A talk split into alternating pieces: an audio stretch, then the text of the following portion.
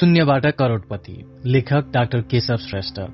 समर्पण। ती सबैलाई जो व्यक्तिगत आर्थिक स्वतन्त्रता र सम्पन्नताको सपना देख्छन्। लेखकको कथेस व्यक्तिगत लगानी मुनाफा र प्रतिफलको क्षेत्रमा अनुसन्धान र प्रयोग गर्दै गरेको पन्ध्र वर्ष नागेछ आफ्नो अनुसन्धानमा आफैले लगानी लगाएर जोखिम मोलेर गरियो काम। लेखक भएर पनि कहिलेकाहीँ जाबो पैसाको कुरा लेख्ने भनेर कति साथीहरूले हेला गरे। कसैको हेला र कसैको रेलामा परियो। कतिले त घुमाएर द्रव्य पिचासम्मै भन्न भ्याए हाँसै हाँसोमा। तँलाई भने होइन तेरा पेटको किरा मार्याउ भन्ने खालका आशय मैले नबुझेको होइन। मेरो विचार पैसाको पछि सबै लाग्ने अनि पैसाको लागि काम गर्छु भन्न किन लजाउने धकाउने। पैसाकै लागि काम गरे पनि समाजसेवा आदि नजाने के के का बहानाबाजी गर्नेको डंका पिटाइ छ। गज्जबको हिपोक्रेसी। पैसा सबैलाई चाहिने हो भने खुलेरै गरौं भनेरै गरौं इमान्दारीका साथ गरौं न। यो हो मेरो भनाई लुकी चोरी नगरी कानूनी बाटोबाट सजिलोसित लगानी गरेर दोब्बर चौबर वा अठब्बर गुणा कमाउन सकिन्छ भने किन त्यो काम नगर्ने? तर यी कुरा सुन्न साथ अधिकांशले अविश्वासले ओठ लेप्र्याउँछन् भन्ने मलाई थाहा छ। ती भन्छन् त्यस्तो हुने भए आजसम्म गरीबहरूको यो संसारमा नाम निशान नहुनुपर्ने हो। तर आफूले बुझेको मात्र सत्य हुन्न भन्ने कुरा पनि बुझौं।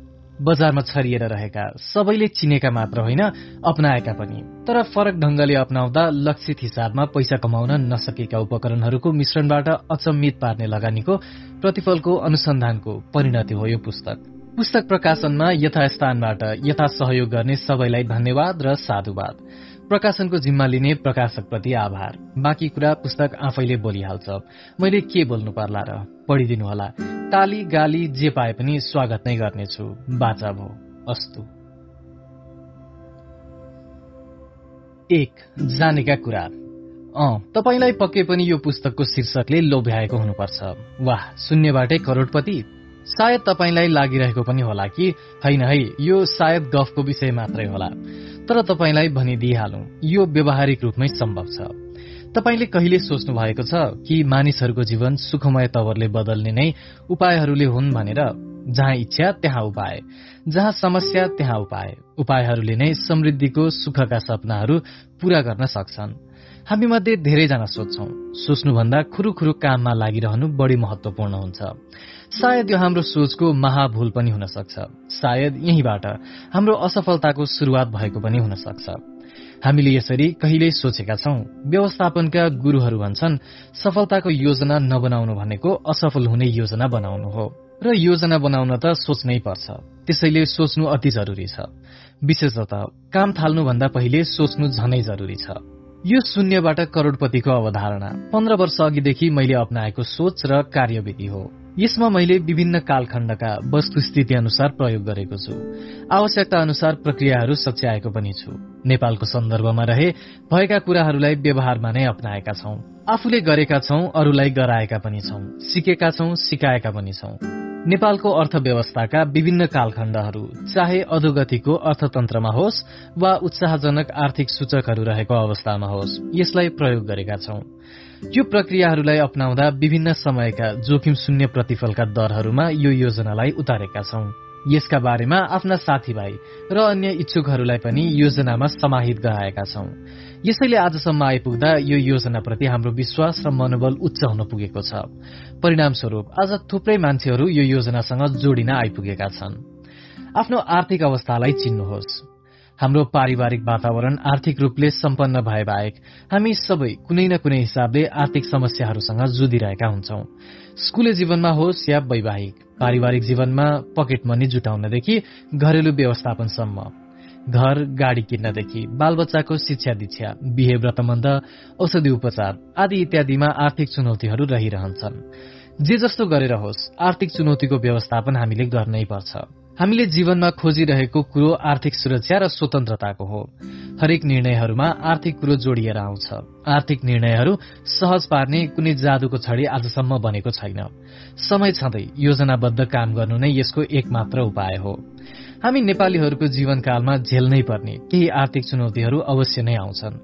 जस्तै बालबच्चाको शिक्षा उच्च शिक्षा ओखतिमुलो घर निर्माण गाडी खरिद करियर शुरूआत बिहेदान बुढ्यौलीको लागि आर्थिक जोहो आदि इत्यादि। यी सबैको लागि पूर्व तयारीका साथ काम गरे गजब नहोला त। दुई लौ तयार हुनुहोस्। यी सबै कुराहरू हाम्रो जीवनकालमा दीर्घकालीन आर्थिक योजना बनाएर चल्नुसँग सम्बन्धित छ।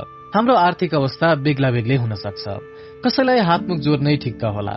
कसैको बचत शून्य अवस्थामा होला कोही बेरोजगार रहेको अवस्थामा होला। तर जे जस्तो अवस्था भए पनि आर्थिक स्वतन्त्रताको सपना देख्ने हो भने दीर्घकालीन योजनाको विकल्प छैन। संसारभर सातवटा आश्चर्यहरू रहेको कुरा सुन्नुभएकै होला। तर आर्थिक संसारका मान्छेहरू संसारमा आठौं आश्चर्य पनि छ भन्छन्। त्यो आठौं आश्चर्य हो पैसाको चक्रवृत्ति रूपमा निरन्तर कमाउने क्षमता। यो आश्चर्य चाइनाको ग्रेट वाल जस्तो दृश्यात्मक त छैन तर त्यत्रै पैसाको पर्खाल बनाउने क्षमताको चाहिँ अवश्य छ। तीन यस्तो चमत्कार कसरी हुन्छ? यहाँ वर्णन गर्न लागि विषय जादुमय त हो तर जादु होइन न कि यो कुनै रकेट विज्ञान जस्तो जटिल विषय नै हो। सामान्य साहस योजनाबद्ध गतिविधि र दृढ आर्थिक अनुशासनबाट यो सबैको लागि सम्भव छ। तर याद राख्नुहोस्। यो कुरा बुझ्न सजिलो तर अपनाउन गाह्रो छ है। बुझ्न सरल निरन्तरता दिन अलिक कठिन चाहिँ छ। लौ अब कुरोको चुरो खोलौं है त। हाम्रा वरिपरि आर्थिक औजारहरू रहेका छन् जस्तै आवश्यकता पर्दा ब्याङ्क खाता खोलेर पैसा जम्मा गर्नु गरगहना किन्नु जीवन बिमा गराउनु घर जग्गा किन्नु सेयर किनबेच गर्नु आदि इत्यादि। हामी आर्थिक निर्णयहरू कसरी लिन्छौं भन्ने कुरा हाम्रो आर्थिक सक्षमतामा भर पर्छ। आर्थिक सक्षमता दुई हिसाबबाट आउँछ। सामान्य बचत गरेर र बचतको उच्चतम प्रतिफलको आय आर्जनमा परिचालन गरेर। वर्तमानको बचत परिचालन गरेर भविष्यको आर्थिक समृद्धि सृजनाको कला नै लगानी व्यवस्थापन हो। लगानी व्यवस्थापन अल्पकालीन वा दीर्घकालीन प्रकृतिको हुन सक्छ आर्थिक औजारहरूबाट लगानी व्यवस्थापन गर्न सकिन्छ। तर उचित समयमा उचित औजारको उचित प्रयोगबाट दीर्घकालीन समृद्धि र व्यक्तिगत रूपमा आर्थिक स्वतन्त्रता कसरी सिर्जना गर्न सकिन्छ भन्ने बताउनु यो पुस्तकको अभिष्ट हो। यो पुस्तकमा के र कसरीलाई व्याख्या गर्ने प्रयास गरिएको छ। खास गरी मुद्दती खाता बीमा योजना र शेयर बजारको मिश्रित संयोजनबाट कसरी अधिकतम दीर्घकालीन फाइदा लिने बारे व्याख्या गर्न खोजिएको छ। मुद्दती बचत संग्रहित बचतको उच्च प्रतिफलको लागि। जीवन बीमा जीवन सुरक्षा अनिवार्य बचत र प्रतिफलको लागि। शेयर बजार योजनाबद्ध जोखिम व्यवस्थापनका साथ अधिकतम प्रतिफलको लागि। यो पुस्तकमा वर्णित योजना सरल छ। मुद्दती खातामा बचत गर्नुहोस् आएको ब्याजबाट बीमा पोलिसी खरिद गर्नुहोस्। पटके रूपमा बीमाबाट ऋण लिएर शेयर मार्केटमा लगानी गर्नुहोस्। अर्थात मुद्दती बचतले ब्याज कमायो। ब्याजले बीमाको बोनसको रूपमा स्याज कमायो। बीमाको स्याजले शेयर मार्केटमा ढ्याज कमायो। भएन त चक्रवृद्धि आमदानी आवधिक ब्याजले कमाउने थप ब्याज आदि थपुवा फाइदा त छँदैछन् नै। दुई वर्षभन्दा बढी बिमाको प्रिमियम भुक्तानी गरिसकेपछि तपाईँले भुक्तानी गरेको बिमा प्रिमियमको साठी प्रतिशत हाराहारीमा ऋण पाउन पनि सक्नुहुनेछ। तपाईँले राखेको मुद्दती खाताबाट पनि उपयुक्त ठाउँमा लगानी गर्न नब्बे प्रतिशतसम्म ऋण लिएर लगानी गर्न सक्नुहुन्छ। यसले तपाईँलाई शेयर बजारमा थप लगानी गर्ने अवसरको ढोका खोलिदिनेछ। त्यसबाट तपाईँले आफ्नो लगानीको गति अझ थप बढाउन सक्नुहुनेछ। बीमाबाट लिने ऋण तपाईँले शेयर बजारमा लगानी गर्दा केही होसियारी र जोखिम विश्लेषण गर्नुपर्नेछ। तपाईँलाई शेयर बजारको बारेमा जानकारी वा अनुभव छैन वा निकै कम छ भने दोस्रो बजारबाट चाहिँ टाढै बस्नु बेस। तर तपाईँले प्रारम्भिक शेयर निष्कासन आइपिओमा चाहिँ ढुक्कसँग लगानी गर्दा हुन्छ।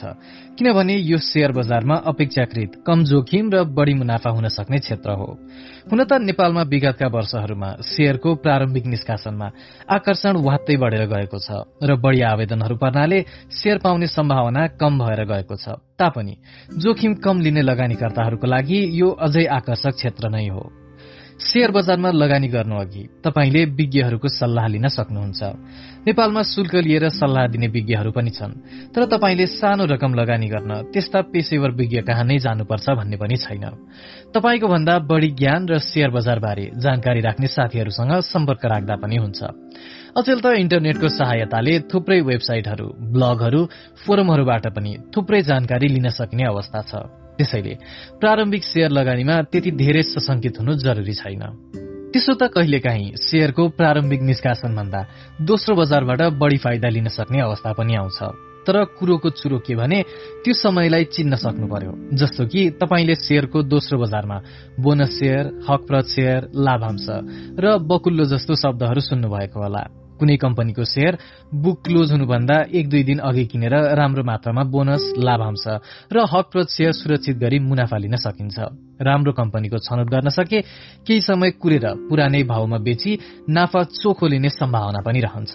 तर नराम्रो कम्पनीको सेयर किने घाटामा फस्ने डर पनि रहन्छ। यहाँनिर हामीले चर्चा गरिरहेको विषय पन्ध्र वर्षसम्मको लामो लगानीको योजना हो। शेयर बजारमा लगानी गरे पनि पन्ध्र वर्षसम्म पर्खदा निश्चय रूपमा घाटाभन्दा नाफा नै बढ़ी हुने अत्याधिक सम्भावना हुन्छ। लगानी भनेकै जोखिमको खेल हो। लगानीको जोखिम कतिपयलाई टार्न वा व्यवस्थापन गर्न सकिन्छ तर न्यूनतममै भए पनि जोखिम नलिकन लगानीको खेल खेल्नै सकिन्न भन्ने बुझ्नु पनि उत्तिकै जरुरी छ। यो जादु त होइन तर सबैले गर्न चाहिँ सक्दैनन्। यो कुरा सजिलै भए तापनि कतिपय सजिला सुनिने कुराहरू धेरैको लागि अप्ठ्यारो हुन्छन्। उदाहरणको लागि तलका सामान्य प्रश्नहरूमा एकैछिन विचार गरौं न त। हामी सबैलाई थाहा छ कि धुम्रपान स्वास्थ्यको लागि हानिकारक छ। तैपनि संसारमा धुम्रपान गर्ने मान्छेको संख्या बढ़ेको बढ़ै छ। किन? त्यस्तै। जुवा खेल्नु पनि कुनै दृष्टिकोणले राम्रो काम होइन। तैपनि जुवाडेहरूको जमात किन दिन दुई गुणा रात चौगुणा गरी बढ्दैछ? मान्छे प्राकृतिक रूपमा शाकाहारी प्राणी हो। मान्छेको शरीर र अंगहरू शाकाहारी प्राणीको रूपमै प्रकृतिले बनाएको छ।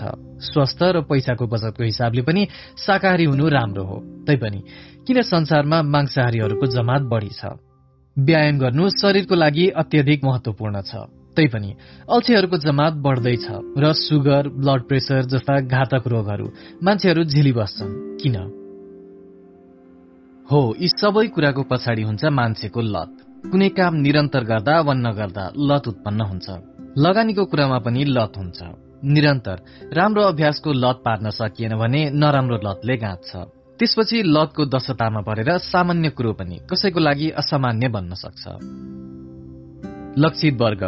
हुन त यो पुस्तक सबैको लागि हो तर केही खेमाका मान्छेहरूलाई यो अझ बढी उपयोगी हुन सक्छ। यस्ता केही वर्गका मान्छेहरूलाई किन र कसरी यो पुस्तक बढी उपयोगी होला भन्नेमा चर्चा गरौं। क कर्मचारीहरू सामान्यतया कर्मचारीहरू मासिक आय आर्जन गर्छन्। सानो सानो बचतलाई सुन शेयर वा जग्गा आदिमा लगानी गर्छन्।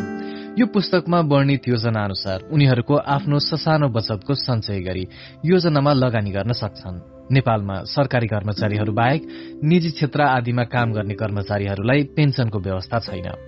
त्यस्ता कर्मचारीहरूले यो योजनाबाट पेन्सनको सिर्जना आफैले गर्न सक्छन्। जागिरे कर्मचारीहरूका छोराछोरीहरू उच्च शिक्षा अध्ययनको लागि विदेश जाने प्रचलन जस्तै भएको छ। उच्च शिक्षाको लागि नेपालमै होस् वा विदेशमा एकमुष्ट ठूलो रकम जोहो गर्नुपर्ने हुन्छ। त्यसको लागि पनि यो पुस्तकमा वर्णित योजना अपनाउन सकिन्छ। अथवा बुढेसकालमा जागिरेहरूको लागि आर्थिक सुरक्षा प्राप्त गर्न समेत यो योजना निकै उपयोगी बन्न सक्छ। ख साना उद्यमीहरू। साना उद्यमीहरूको लागि नगद व्यवस्थापन एक नासको हुँदैन। कहिले नगद हातमा रहने त कहिले ऋण लिएर पनि काम गर्नुपर्ने अवस्था रहन्छ। उनीहरूको लागि कहिले राम्रै मुनाफा बस्ने त कहिले काहीँ थुप्रै खालका व्यवसायिक आवश्यकता पूरा गर्दा गर्दै नगदको थप जोहो गर्नुपर्ने भइदिन्छ। भएको मुनाफा पनि थप व्यावसायिक विस्तारको लागि लगानी गर्नुपर्ने बाध्यता रहन्छ। प्रतिस्पर्धा व्यावसायिक वातावरण खराब ऋण आदिको कारणबाट नियमित बचत गरिराख्न सम्भव नहुन पनि सक्छ। यस्ता साना उद्यमीहरूले पनि थोरै रकम नियमित दैनिक साप्ताहिक आदि रूपमा जम्मा गर्दै गएर लगानी योग्य रकम जम्मा भएपछि यो योजना शुरू गर्न सक्छन्। यो योजनाको राम्रो पक्ष भनेको पैसाको कमाउने क्षमतालाई पूर्ण सदुपयोग गर्ने हो। यसमा व्यक्तिको परिश्रम र समयको लगानी न्यून रहन्छ। साना उद्यमी व्यवसायीहरूले यो योजनाबाट प्राप्त हुने ठूलो रकम पछि गएर व्यवसायमै लगानी गर्ने वा वैकल्पिक प्रयोग गर्ने भन्ने छनौट गर्न सक्छन्। समिष्टमा उनीहरूको आर्थिक स्वतन्त्रतामा यसले ठूलो टेवा पुर्याउनेछ। ग. स्वरोजगारीहरू। यस्ता मानिसहरूको निरन्तर नगद प्रवाहको ग्यारेन्टी नहुन सक्छ। काम हुँदा आमदानी हुने नहुँदा नगद साथमा नहुने यो वर्गको विशेषता हो। तर यी वर्गका व्यक्तिहरूले पनि साना उद्यमी व्यवसायीहरूले जस्तै यो योजनाबाट लाभ उठाउन सक्छन्। नगद जम्मा भएको मौकामा योजना शुरू गर्ने र त्यसपछि लगानी गरिएको रकमलाई नै लामो समय काम गर्न दिने। नियमित आमदानी नभएका व्यक्तिहरू जागिर नभएका आफ्नै उद्यम व्यवसाय पनि नभएका तर कुनै पनि बेला आमदानीको काम गर्ने व्यक्तिहरू यो वर्गमा पर्छन् जस्तै परामर्शदाता कलाकार आदि। तर यस्ता समूहका व्यक्तिको आमदानी हुँदा भने राम्रै आमदानी हुने गर्छ। हातमा नगद सञ्चय भएको बेला उनीहरूले यो योजनाको शुरूआत गर्न सक्छन्। अपरझट नगद हात पर्ने व्यक्तिहरू। रोजगारीको नियमित आमदानी नहुने व्यक्तिहरूसँग पनि कहिलेकाहीँ जस्तै घर जग्गा गाड़ी अन्य सम्पत्तिहरू बेचबिखन गरेको अवस्थामा एकमुष्ट नगद हात परेको हुन सक्छ। त्यस्तो अवस्थामा पनि यो योजना शुरू गर्न सकिन्छ। लक्षित वर्गको जोखिम वहन क्षमता। आफ्नो लगानीमा उच्चतम प्रतिफल लिन को नचाहला र? तर त्यसको लागि जोखिम मोल्ने र जोखिमको व्यवस्थापन गर्ने काम चुनौतीपूर्ण हो। अझ त्योभन्दा पनि लगानीकर्ताले आफ्नो लोभ र डरमाथि काबू पाउनु नै मुख्य कुरो हो। लाभ र जोखिम सधैँ साथ साथ रहन्छन् तर विपरीत रूपमा सम्बन्ध राखेर। जस्तो कि उच्च आमदानीको लागि उच्च ब्याजदार दिने संस्थामा मुद्दती खाता खोलिएका तर त्यसले सिर्जना गर्ने जोखिममा पनि उत्तिकै ध्यान दिनु जरुरी हुन्छ। उदाहरणको लागि वार्षिक पन्ध्र प्रतिशत ब्याज दिने सहकारी संस्थापक नेपालमा हाम्रै वरिपरि छन्। तर साथसाथै लगानीकर्ताहरूको साउ ब्याजै कुम्ल्याएर भागेका थुप्रै सहकारीहरू पनि हाम्रै अगाडि छन्। यो दुई बीच कसरी सन्तुलन राख्ने त? यसको कुनै गणितीय सूत्र छैन। मूल कुरा लगानीकर्ताले आफ्नो जोखिम वहन क्षमता आफैले पत्ता लगाउने हो। माथि नै भनियो कि लगानीको क्षेत्रमा एउटालाई सही लागेको सूत्र अर्कोलाई सही नलाग्न सक्छ। त्यसैले नै लगानीको संसारमा यति विविध व्यवहारहरू देखिन्छन् जोखिम र लाभको कुरा गर्दा। कतिपय मान्छेहरू वार्षिक एक प्रतिशत भन्दा कम ब्याज दिने ब्याङ्क खातामा पैसा राखेर पनि ढुक्कले बसेका छन् भने कतिपय मान्छेहरू मासिक तीन चार वा पाँच प्रतिशत मासिक ढ्याके ब्याज लगाउने तर्फ पनि लागेका छन्। त्यसैले मुख्य कुरो हामीले आफ्नो जोखिम मोल्ने प्रवृत्ति जान्न बुझ्न र आश्वस्त हुन जरुरी छ। त्यसो भए हामीले आफ्नो जोखिम उठाउने क्षमताको आकलन कसरी गर्ने त? केही कुराहरूमा आफूभन्दा जान्ने बुझ्ने परामर्शदाताको पनि सहयोग लिन सकिएला तर सबैको लागि त्यो पनि सम्भव नहुन सक्छ। अथवा सम्भव भए पनि अपरिष्कृत सल्लाहले झन बेफाइदा हुन सक्छ। सबैभन्दा राम्रो आफूले आफैलाई केही प्रश्नहरू सोधौं र ती प्रश्नहरूमा आफूले जोखिम व्यवस्थापन गर्न सक्ने वा नसक्ने उत्तरहरू खोजौं जस्तै यो लगानीले मलाई लामो समयसम्म प्रतिफल नदिँदा पनि म कुर्न सक्छु। यो लगानीप्रति म सहज रूपमा आशावादी छु। यो लगानी जोखिममा पर्यो भने म वैकल्पिक व्यवस्थापन गर्न सक्छु। यो लगानी कदम कदाचित बिग्रिहाले पनि मेरो स्वास्थ्य र पारिवारिक वातावरणमा प्रतिकूल प्रभाव पर्दैन। आदि इत्यादि। यी प्रश्नहरूको जवाब आफैमा खोजेर तपाईँ ढुक्क हुनुभयो भने तपाईँ यो योजनामा लगानी गर्न मानसिक रूपमा तयार हुनुभयो भन्ने बुझ्नुपर्छ। छ। समिष्टमा लक्षित नतिजा। सामान्यतया विकसित मुलुकहरूभन्दा नेपालमा लगानीको प्रतिफल बढ़ी छ। यो प्राय विकासशील मुलुकहरूको हकमा त्यस्तो हुन्छ नै। उदाहरणको लागि विकसित मुलुकहरूले दिने बचतको ब्याज दर जसलाई लगानीको भाषामा जोखिम शून्य प्रतिफल रिस्क फ्री रिटर्न पनि भनिन्छ प्राय शून्य दशमलव पाँच प्रतिशत वा एक प्रतिशतको हाराहारीमा हुन्छ। तर नेपालको हकमा औसत ब्याङ्कहरूको बचत खाताको ब्याज दर आठदेखि दस प्रतिशतसम्म छ। अझ दीर्घकालीन मुद्दती खातामा राख्ने प्रतिफलको कुरा गर्ने हो भने यो पंक्तिहरू लेख्दै गर्दाको बेलासम्म तेह्र प्रतिशत पनि प्रतिफल पाउने ब्याङ्कहरू देख्न सकिन्छ। माथि भनिएको लोभ र डरमा सन्तुलन राख्नुपर्ने कुरा पनि यहाँनिर हामीले बिर्सनु हुँदैन। हामीले यो पुस्तक पढ्दै गर्दा दसदेखि बाह्र प्रतिशतको कमाईको लागि कुरा गरिरहेका छैनौं। यहाँनिर हामी तपाईँको दीर्घकालीन लगानीमा करिब तीस प्रतिशत वार्षिक प्रतिफलको कुरा गरिरहेका छौं। जुन कुरा नै यो पुस्तकको मुख्य आकर्षणको विषय हो। आफ्नो उत्साहलाई कायम राख्दै हामीले के बुझ्नुपर्छ भने यो योजना एक सुनियोजित योजनाबद्ध रूपमा ल्याइएको प्रोडक्ट हो। यसको लागि आर्थिक रूपमा आफ्नो आत्मअनुशासन कायम राख्नु पनि उत्तिकै महत्वपूर्ण छ। माथि नै भनिसकियो कि यो योजनाको प्रतिफलको लागि संसारको आठौं आश्चर्य मानिने शक्ति अर्थात पैसाको चक्रवर्ती कमाउने क्षमताको उच्चतम प्रयोग गरिएको छ। सात वास्तविकता पछाडिका तर्कहरू। मलाई थाहा छ यतिखेर तपाईँको दिमाग खुशी उत्तेजना र शंकाले खुब घुमिरहेको हुनुपर्छ। यदि त्यस्तो भइरहेको छ भने यो राम्रो संकेत हो। किनकि दिमाग नचलाइकन लगानीको क्षेत्रमा प्रवेश गर्न सकिँदैन। गरिहाले पनि सफलता पाउन गाह्रो हुन्छ।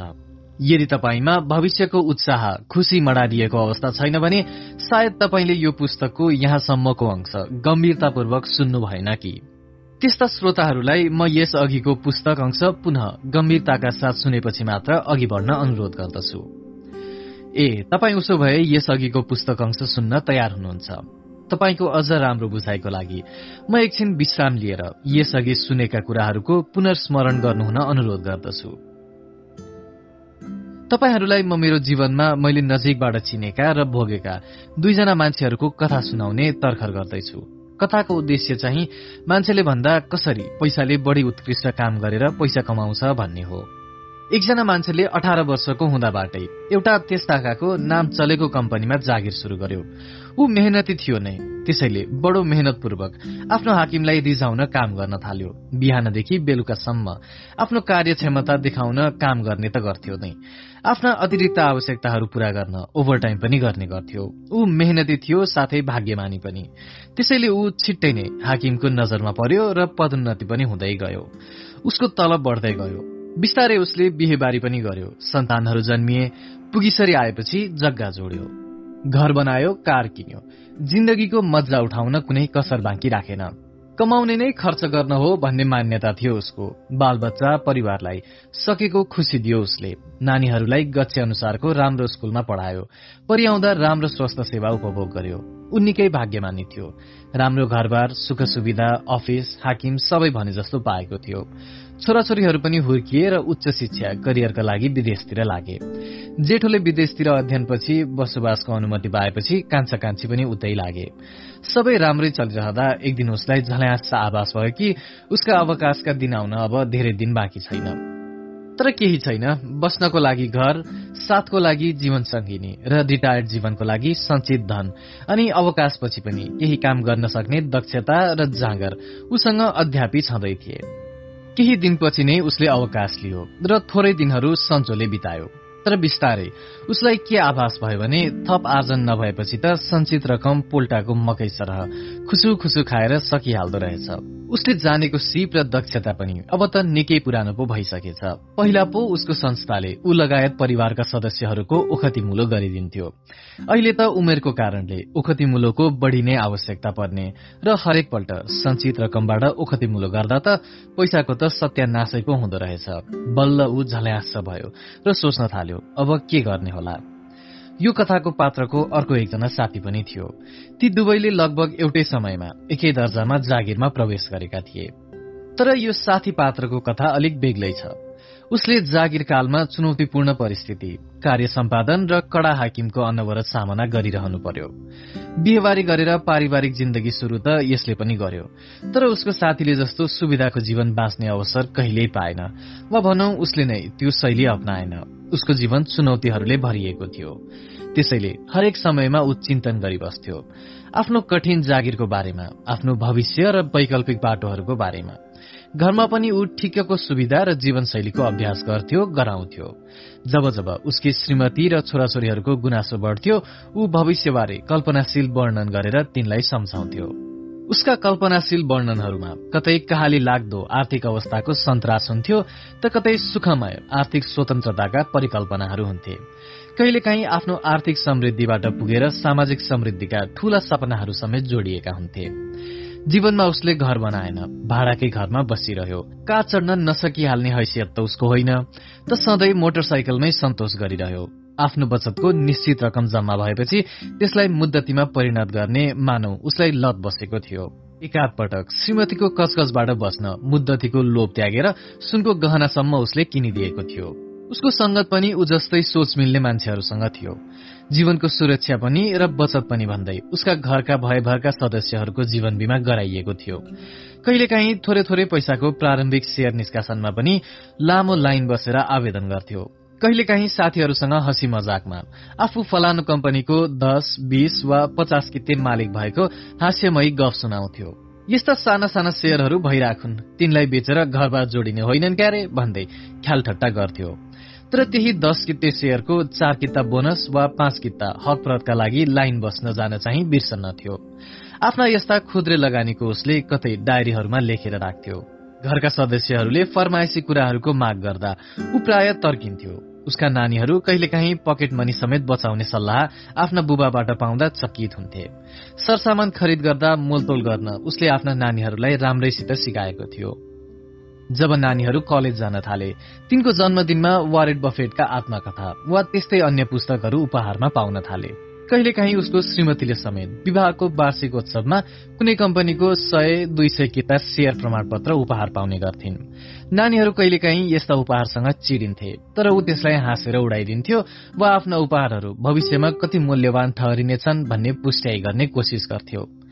समय बित्दै गयो। करिब दस वर्षपछि उसले जब आफ्नो लगानीको हिसाब किताब गर्न बस्यो तब थाहा पायो कि उसको खुद्रे लगानीले त उसको झण्डै दस वर्षको तलब बराबरकै प्रतिफल पो दिइसकेछ। अब उसलाई विश्वास थियो कि ऊ अब एउटा घर र गाडी किन्न सक्छ। धेरै खोजेपछि उसले यस्तो घर भेट्टायो जसमा तीन तलाहरू थिए। एउटा तलामा आफू बस्ने र बाँकी दुईवटा भाँडामा दिने निर्णय गर्दा धेरैले उसको खेल्ली उडाए। ऊ आफ्नो निर्णयमा अडिक रहिरह्यो। ऊ आफै गाडी चलाउन सक्ने भए पनि चालक राख्थ्यो। कहिलेकाहीँ भाडामा ट्रिप भेट्टाउँदा चालक गाडी लिएर जान्थ्यो र ऊ आफू मोटरसाइकलमा अफिस गइरहेको भेटिन्थ्यो। यहाँसम्म आइपुग्दा उसले आफ्नै कम्पनी समेत दर्ता गर्न भ्याएको थियो। उसका छोराछोरीहरूले विदेशको अध्ययन सकाएर फर्कने र आफ्नै बुबाको कम्पनी सम्हाल्ने विचारमा थिए। विदेशमा तल्लो स्तरको कामबाट करियर शुरू गर्नुभन्दा बुबाको कम्पनीको फलाइदो कारोबार सम्हाल्नु तिनलाई बढी मन परेको थियो। अन्तत उसको अवकाश लिने दिन पनि आयो। उसँगै जागिर शुरू गरेको साथी पनि सँगसँगै अवकाश लिँदै थियो तर उसले आफ्नो साथीको जति प्रमोसन आफ्नो कार्यालयमा लिन भने सकेको थिएन। अवकाशपछि आफ्नो सिप र दक्षता उसले आफ्नै कम्पनीमा लगाउने आफ्ना नानीहरूको लागि निर्देशन दिने निर्णय गर्यो। अब उसका छोराछोरीहरू उसको कम्पनीका नयाँ हर्ताकर्ता बनेका थिए र ऊ तिनको संरक्षक। एक दिन उसको सँगै अवकाश लिएको साथी चिया पिउन बिहानै उसको घरमा आइपुग्यो। भलाकुसारी आदान प्रदान पश्चात के थाहा भयो भने उसको साथी कठिन परिस्थितिबाट गुज्रिरहेको रहेछ। साथीको बचत रकम लगभग सकिएछन्। बालबच्चाहरू विदेश अध्ययन पश्चात उतैतिर सेटल भएछन्। घरमा जम्मा रहेछन् दुई बुढाबुढी मात्र। खसकदो बचतबाट चिन्तित भएर उसको साथी कुनै ठिकठाक काम पाए गर्ने विचारमा रहेछ। यी दुई वास्तविक पात्रहरू हाम्रो समाजमा भेटिन्छन्। के तपाईँ भन्न सक्नुहुन्छ कि यी दुई मध्ये कसको जीवन बढ़ी सार्थक रह्यो होला? यदि तपाईँ जागिरे हो भने कसको चाहिँ पद चिन्ह पछ्याउन चाहनुहुन्छ? यो कथाको सार हो मान्छेले आय आर्जन सीमित रूपमा गर्न सक्छ तर पैसाले आय आर्जन असीमित रूपमा गर्न सक्छ। लगानीमा हालेका हरेक रुपियाँहरू तपाईँका इमान्दार कारिन्दारहरू हुन्। तिनले घाम पानी थकाई केही भन्दैनन् र तपाईँको लागि अनवरत कमाउने काममा लागिरहन्छन्। तिनले एक दिन तपाईँलाई चक्रवर्ती कमाईको शक्तिले प्रतिफल दिएर आश्चर्यचकित पारिदिनेछन्। आठ सबैको लागि सम्पत्ति। यो पुस्तकमा वर्णित लगानीको योजना सबैलाई व्यावहारिक रूपमै लागू हुन सक्ने गरी तयार पारिएको छ। तपाईँसँग नगद मौजदात भए पनि नभए पनि तपाईँको आर्थिक अवस्था सुदृढ भए पनि वा ठिकठाकै भए पनि तपाईँले यो योजना बुझेर शुरू गर्न सक्नुहुनेछ। अन्तत यसले सबैको लागि सम्पत्ति र आर्थिक स्वतन्त्रता प्रदान गर्न सक्छ। यो नै पुस्तकको मूल उद्देश्य हो। तलका केही उदाहरणहरूबाट यो सबैको लागि हो भन्ने बुझ्न सकिन्छ। क जोसँग नगद बचत छ। अहिले कमाएर केही बचत गर्न सक्नेका लागि भविष्यको आर्थिक सुरक्षा स्वतन्त्रता सजिलो हुन्छ। हाम्रो देशमा आर्थिक सुरक्षा कम छ। आज जागिर छ भोलि नहुन सक्छ। अथवा भोलि हातमुख जोर्ने ठिक्क हुने मात्रै आमदानी पनि हुन सक्छ। आज तपाईँले राम्रो तलब पाइराख्नु भएको हुन सक्छ तर भोलि त्यसको ग्यारेन्टी नहुन सक्छ। अझ मौसमी खालका जागिर जस्तै एनजिओ आइएनजिओ जस्ता संस्थाहरूमा अहिले पाइरहेको आकर्षक तलबको त के कुरा भोलि जागिरै सकिन सक्छ। त्यस्ता व्यक्तिहरूले हालको बचतबाट यो योजना शुरू गरेर भविष्यको आर्थिक सुरक्षाको जोहो गर्न सक्छन्। ख जोसँग बचत छैन। त्यस्ता मान्छेहरू जोसँग कमाई त छ तर बचत भने नहुन सक्छ। त्यस्ता व्यक्तिहरूले पनि थोरै थोरै बचतबाट शुरू गरेर यो योजना निश्चित अवधि पश्चात शुरू गर्न सक्छन्। जस्तो कि मासिक पच्चिस सय रुपियाँ जम्मा गर्ने व्यक्तिले चालिस महिनामा एक लाख जम्मा पारेपछि यो योजना शुरू गर्न सक्छन्। हुन त यसो गर्दा चालिस महिनासम्म कुर्नु त पर्यो तर नहुनुभन्दा कानोमामा ठिक भने जस्तै हो लगानीको लागि कुनै उपयुक्त समय भन्ने हुँदैन। जहिले सकिन्छ तहिले लगानी गर्नु नै लगानीको सबैभन्दा उपयुक्त समय हो। यदि त्यस्ता व्यक्तिहरू साँच्चीकै शून्यबाट करोड़पति भन्न चाहन्छन् भने अलिकति स्मार्ट हुनु जरुरी छ। यदि उनीहरू आजै यो योजना शुरू गरेर चालिस महिना वा बचतको अवधि जोगाउन चाहन्छन् भने उनीहरू थोरै ब्याज तिरेर ब्याङ्क वित्तीय संस्थाहरूको ऋण लिएर पनि यो योजना शुरू गर्न सक्छन्। उदाहरणको लागि एउटा मासिक पच्चिस सय बचत गर्न सक्ने माथिको उदाहरणवाला व्यक्तिले मासिक पच्चिस सय किस्ता तिर्ने गरी ब्याङ्कसँग ऋण पनि लिन सक्छ। जागिरेहरूको लागि त अझ अचेल ब्याङ्कहरूले बिना धितो पेसेवर कर्जा दिने प्रोजेक्टहरू पनि शुरू गरेका छन्। थोरै ब्याज तिरेर चार पाँच वर्ष समय अघि नै यो योजना शुरू गर्नु साँच्चीकै स्मार्ट काम हो। ब्याङ्कको किस्ता मासिक बचतबाट तिरे भएको अब भन्नुहोस् सकिएन त यो करोड़पति बन्ने यात्रा हालको शून्य अर्थात बचत शून्य अवस्थाबाटै शुरू गर्न। त्यसैले यो योजनाको नाम नै शून्यबाट करोड़पति राखिएको हो। ग जोसँग ज्यादै थोरै आवधिक बचत हुन्छ। कसैको पेसामा हरेक दिन पैसा आउँछ तर बचत भने निकै थोरै हुने गर्छ। वा भनौ बचतको पैसा पनि व्यवसायमै पुनर्लगानी गर्नुपर्ने बाध्यता रहन्छ। उदाहरणको लागि ससाना रेस्टुरेन्टहरू खुद्रा पसलहरू आदिलाई लिन सकिन्छ। अचेल त्यस्ता व्यवसायीहरूले अनिवार्य बचत गर्दै विभिन्न सहकारीहरूमा दैनिक बचत गरेका हुन्छन्। तर उनीहरूले मूलत केही महिना वा वर्ष बचत गरिसकेपछि व्यवसायमा नै लगानी थप गर्ने व्यवसायकै लागि मेसिनरी वा यस्तै सामानमा लगानी गर्ने योजना गरेका हुन्छन्। यो पनि राम्रो कुरा हो। कसै कसैले एकभन्दा बढ़ी प्रयोजनको लागि एकभन्दा बढ़ी सहकारीहरूसँग पनि आवधिक दैनिक निक्षेप गराएका हुन्छन्।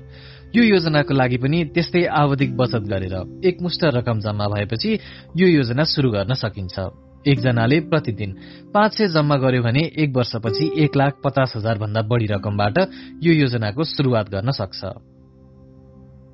नौ। कसका लागि बढ़ी यो व्यवहार उपयोगी छ? जागिरीहरूका लागि यो पुस्तक खास गरी मध्यम आय भएकाहरूको लागि लक्षित गरी लेखिएको हो तापनि सबैले यसको फाइदा उठाउन भने सक्छन्। कृषिमा आश्रित समुदाय जागिरे वर्ग स्वरोजगार वर्गहरू यसमा खास गरी यो पुस्तकको लक्षित वर्गमा पर्दछन्। जागिरे वर्ग खास गरिकन आफ्नो जागिर आर्थिक सुरक्षा आदिबारे सदैव चिन्तित रहन्छ। जागिरपछि आफूलाई सुहाउने काम के पाइएला भने जस्ता नचाहिने चिन्ता पनि जागिरेहरूलाई उत्तिकै रहने गर्छ। नेपालमा त झन् किसानले जागिर पाए भने अधिकांशले किसानी नै छोड्ने गरेको पाइन्छ। जागिरे भएपछि सुखसल खोज्नु र अल्छी बन्दै जानु हाम्रो मुलुकको रोग नै बन्दैछ। जागिर छाउन्जेल सकेको सुख काट्यो। अनि सीमित बचतले गुजारा गरेर जागिर पछिको जीवन न किसानको न जागिरेको बनेका उदाहरणहरू पनि प्रशस्तै भेटिन्छन्। यदि त्यस्ता व्यक्तिहरूले यो योजना शुरू गरे भने जागिर पछिको जीवनको आर्थिक अभाव हटाउन भरपूर मद्दत मिल्नेछ। अझ ब्याङ्कबाट ऋण लिएर बिस्तारै किस्ता तिर्दै योजना शुरू गर्न सकेमा साँच्चीकै शून्यबाट करोड़पति बन्न सक्नेछन्। ससाना उद्यमी व्यवसायीहरूका लागि। साना उद्यमी व्यवसायीहरूको अवस्था पनि लगभग जागिरेको जस्तै हो। दिनदिनै थोरै थोरै रकम आइराख्ने तर ठूलो रकम हातमा जम्मा भएर नबस्ने। अथवा सञ्चित रकम फेरि व्यवसायमा नै लगाइहाल्नुपर्ने। माथि भने झै यस्ता साना उद्यमी व्यवसायीहरूले दैनिक गछि अनुसारको रकम जम्मा सहकारी वा अन्य ब्याङ्क वा वित्तीय संस्थाहरूमा गरी केही रकम जम्मा भएपछि योजना शुरू गर्न सक्छन्। किसानहरूको लागि नेपालका किसानहरूसँग प्राय दैनिक आमदानी कम हुन्छ। हुन त अचेल नगदे बाली लगाउने किसानहरूसँग दैनिक आमदानीको स्रोत हुन्छ। तर बाली भित्र्याउने बेलामा प्राय किसानहरूसँग केही एकमुष्ट रकम जम्मा भएको हुन सक्छ। त्यस्तो रकमबाट यो योजना शुरू गर्न सकिन्छ। विदेशबाट रेमिटेन्स आर्जनकर्ताहरूसँग। नेपालको अर्थतन्त्र रेमिटेन्सले धानेको छ। घर घरै मान्छेहरू विदेश गएका छन्। मुलुकमा प्रतिदिन रेमिटेन्स रकम भित्रिदो छ। तर रेमिटेन्सको अधिकांश रकम लगानी भन्दा पनि खर्चतिर बढ़ी जाने गरेको अध्ययनहरूले देखाएका छन्। हुन त रेमिटेन्सको रकमबाट अनिवार्य बचत गराई उद्यम धन्दा सञ्चालन गर्ने योजना सरकारले बनाएको पनि वर्षौं भइसक्यो। तर उल्लेख्य केही हुन सकेको छैन। रेमिट्यान्सका आर्जनकर्ता वा तिनका परिवारले यो योजना बुझेर लगानी गर्न सक्छन्। रेमिट्यान्सबाट निश्चित रकम पुगेपछि मात्रै रकम विदेशबाट स्थानान्तरण गर्ने हुँदा यो योजनाको लागि थप सुहाउँदो देखिन्छ। दश करोड़पति बन्ने पूर्व तयारी माथि नै भनिसकियो कि यो योजना सजिलो नभए पनि कुनै रकेट विज्ञान जस्तो गाह्रो विषय पनि होइन। यदि गाह्रो केही छ भने योजना अवधिभर आर्थिक अनुशासनमा बस्न गाह्रो छ। मध्यमवर्गीय मानिसहरू प्राय आर्थिक अनुशासनमा बस्न रुचाउँदैनन्। यो योजनामा गर्नुपर्ने काम त वर्षमा एक या दुई हप्ता मात्रै हो। यो योजना शुरू गरेपछि वा गर्नु अघि नै मानसिक रूपमा तयार हुनुपर्ने केही बुदाहरूको यहाँ चर्चा गरिन्छ। आर्थिक अनुशासनमा दृढ रहनुहोस्। संकल्प गर्नुहोस् कि म आफ्नो योजनामा दृढ भएर काम गर्नेछु। जे जस्तो परे पनि योजना भंग गर्ने वा योजना भन्दा बाहिर जाने गल्ती गर्ने छैन। बुझ्नुपर्ने कुरो के छ भने यो योजनाको बीचबीचमा केही एकमुष्ट पैसाहरूले हामीलाई दर्शन दिनेछन्। पैसाले कसलाई पो पुगेको छ र हामीलाई पुग्ने। तर बीचमा पैसा देख्न साथ योजनाभन्दा बाहिर गएर काम गरियो भने सबै भताभुङ्ग हुन्छ। त्यसैले बीचमा प्राप्त हुने पैसाहरूबाट उद्वेलित नहुने प्रण तपाईँले आजै गर्नुपर्छ। उदाहरणको लागि योजनामा तपाईँले दस लाखको तीन किस्ते फिर्ता भुक्तानी बिमा योजना गर्नुभएको छ भने पाँच वर्षपछि बिमा कम्पनीले एकमुष्ट दुई लाख पचास हजार फिर्ता गरिदिन्छ। योजना अनुसार यो पैसा पुनः मुद्दती खाता र थप बिमामै पुनर्लगानी गर्नुपर्ने हुन्छ। अब एक मुष्ट दुई लाख पचास हजार देखेर तपाईँले योजनामै पुनर्लगानी नगरिकन कुनै सोख पूरा गर्न थाल्नुभयो भने सबै कुरा गोलखाडी गइहाल्छ। लामो समयको लगानीमा विश्वास गर्नुहोस्। यो योजनामा तपाईँले गर्नुपर्ने मुख्य कुरा नै लामो समयसम्म तपाईँको लगानीलाई काम गर्न दिनु र कुर्नु नै हो। समयसँगै परिस्थितिहरू बदलिन सक्छन् उतार चढ़ावहरू हुन सक्छन्। तर ती सबैका बावजुद आफ्नो योजना अनुसार काम गरिरहनु नै योजनाको सफलताको एकमात्र सूत्र हो। यो योजना चल्दै गर्दा बीचतिर तपाईँले अझ राम्रा फलदायी योजनाहरूको पत्तो पाउन सक्नुहुनेछ। तर नयाँ योजना शुरू गर्नका लागि पुरानो योजना भताभुङ्ग पार्न जरुरी छैन। यो योजनाको बीचैमा तपाईँको कार्यशैलीमा विचलन आयो भने तपाईँले योजनाबाट कमाउने होइन उल्टै गुमाउने हुन सक्छ। उदाहरणको लागि योजनाको बीचमा तपाईँलाई सुनको गहना किन्न मन लाग्ला अथवा जग्गा लगानी गर्न पाए अझ राम्रो प्रतिफल आउन सक्ने लाग्ला अथवा त्यति बेलाको लागि त्यो उचितै पनि होला रे। तर चालु गरिसकेको योजना बिग्रने गरी अर्कोतिर लगानी गर्नुभयो भने यो योजना त बिग्रन्छ नै। नयाँ कामबाट पनि सफल नै भइन्छ भन्ने ग्यारेन्टी त हुँदैन। अनि भइएन त न घर न घाटको। यसको अर्थ मैले तपाईँको हैसियत छ भने नयाँ योजना नै शुरू नगर्नुहोस् वा लगानी नै नगर्नुहोस् भन्न खोजेको चाहिँ होइन है। खालि शुरू गरिसकेको योजना नबिर्सिनुहोस्। यसले राम्रो प्रतिफल दिने विश्वास कायम राख्दै योजना अनुसार काम गरिरहनुहोस् भन्न मात्र खोजेको हुँ। उचित समयभित्रै काम सकिहाल्नुहोस्। यो योजनामा खासै धेरै काम तपाईँले गर्नु पर्दैन। शुरूका वर्षहरूमा वर्षमा करिब बढ़ीमा दुई हप्ता र वर्षहरू बढ्दै गएपछि वर्षमा बढ़ीमा तीन हप्तासम्म काम गर्नुपर्ने हुन्छ। तर महत्वपूर्ण कुरा के हो भने गर्नुपर्ने कामहरू योजनाका निकै जरुरी हुन्छन् र तिनलाई समयमै गरिएन भने ठूलो घाटाको सम्भावना हुन सक्छ जसले तपाईँको दीर्घकालीन प्रतिफलमा सोझै ठूलो नकारात्मक प्रभाव पार्नेछ। जस्तै उदाहरणका लागि तपाईँले आफ्नो योजना अन्तर्गत लिएको जीवन बिमाको प्रिमियम समयमा तिर्न बिर्सनुभयो वा हकप्रत सेयरको आवेदन दिन बिर्सनुभयो भने त्यसले दीर्घकालीनसम्म तपाईँको लगानीको प्रतिफल घटाइदिनेछ। हकप्रत सेयरको आवेदन गर्ने म्याद खुस्क्यो भने हकप्रत सेयर प्राप्त भएन। त्यसो हुँदा कम रकममा हकप्रत सेयर प्राप्त गर्ने मौका गुम्यो। त्यसले गर्दा हकप्रत सेयरले थप कमाउने लाभांश बोनस थप सेयर र थप हकप्रत सेयरहरू पनि गुमे जसले गर्दा दीर्घकालीन कुल प्रतिफल कम हुने नै भयो। आफ्नो योजनाको सपनामा केन्द्रित रहनुहोस्। स्मरण रहोस् लगानीको दुनियाँमा पूर्ण सत्य र पूर्ण असत्य भन्ने कुराहरू हुँदैनन्। लगानीमा कुनै प्रयत्नहरू अत्यन्त सफल हुन्छन् कुनै आंशिक वा असफल पनि हुन सक्छन्। त्यसमा धेरथोर हात संयोग परिस्थिति वा भाग्यको पनि रहला। तर मूल कारण भने तपाईँको कर्मण्यता र लगनशीलताको नै रहन्छ। कुनै लगानीका गतिविधि थोरै मात्र प्रतिफल दिने होला तर तपाईँको जीवनमा त्यसको महत्वपूर्ण प्रभाव रहन्छ। जस्तो कि तपाईँको गाडीको दुर्घटना बिमा। गाडी दुर्घटनामा परेन भने त हरेक वर्षको प्रिमियम फिर्ता आउँदैन। तर त्यसो भन्दैमा गाडीको बिमा नै नगरी गाडी कुदाइरहने त खुदा नखास त भोलि दुर्घटनामा परिहाल्यो भने नि। मैले भन्न खोजेको कुरा के हो भने बढ़ी भन्दा बढ़ी प्रतिफल आउने लगानीको मात्र पछि दौडियो भने त्यो घातक पनि हुन सक्छ। लगानी भनेको बिरुवा जस्तै हो। ठिक्कको घाम पानी हावा स्याहार मलजल पाए मात्र बिरुवा सप्रन्छ लगानीको उद्देश्य तपाईँको आर्थिक सफलतालाई सुदृढ पार्ने हो। त्यसैले सम्यक व्यवहार लगानीमा पनि उत्तिकै जरुरी छ। त्यसैले लगानीका उपकरणहरूको आआफ्नो विशेषता हुन्छन्। तिनलाई हाम्रो चाहना भयो भन्दैमा अव्यवस्थित र उटपट्याङ तरिकाले चलाइयो भने तिनले नोक्सानीमा पनि पार्न सक्छन्। आफ्नो लगानी फस्टाइरहेको हेर्नुहोस् र उत्प्रेरित रहनुहोस्। यस योजनामा लगानीको रकम लगाउने र भाग्यमा भरोसा राखेर कुर्ने मात्रै गरिन्न। बरु तपाईँले गर्नुभएको लगानी रकमले भरपूर प्रतिफल दिन सक्ने गरी काम गर्न सक्ने वातावरण बनाइदिन तपाईँले काम गर्ने हो। जब तपाईँले आफूले लगानी गरेको रकम हरेक वर्ष बढ्दै गएको देख्नुहुन्छ अवश्य नै तपाईँ आफ्नो कामप्रति गर्व गर्नुहुन्छ र लक्ष्यप्रति अझ सुनिश्चित बन्नुहुन्छ। आफ्नो सुखद आर्थिक स्वतन्त्रता झन झन नजिक आएको जब थाहा पाउनुहुन्छ तपाईँ आफ्नो कामप्रति अझ उत्प्रेरित बन्नुहुनेछ। तपाईँ उत्प्रेरित रहिरहनु भएपछि तपाईँ आफ्नो योजनाबाट विचलित हुने सम्भावना पनि स्वत कम भएर जानेछ। जुन यो योजनाको सफलताको वास्तविक आधार हो। योजनाको बीचमा अनावश्यक कुराहरूले प्रभावित भएर योजनाको प्रारूप बदल्ने आदि कामहरूबाट बस्न सक्नु नै यसको सफलताको मूल सूत्र हो।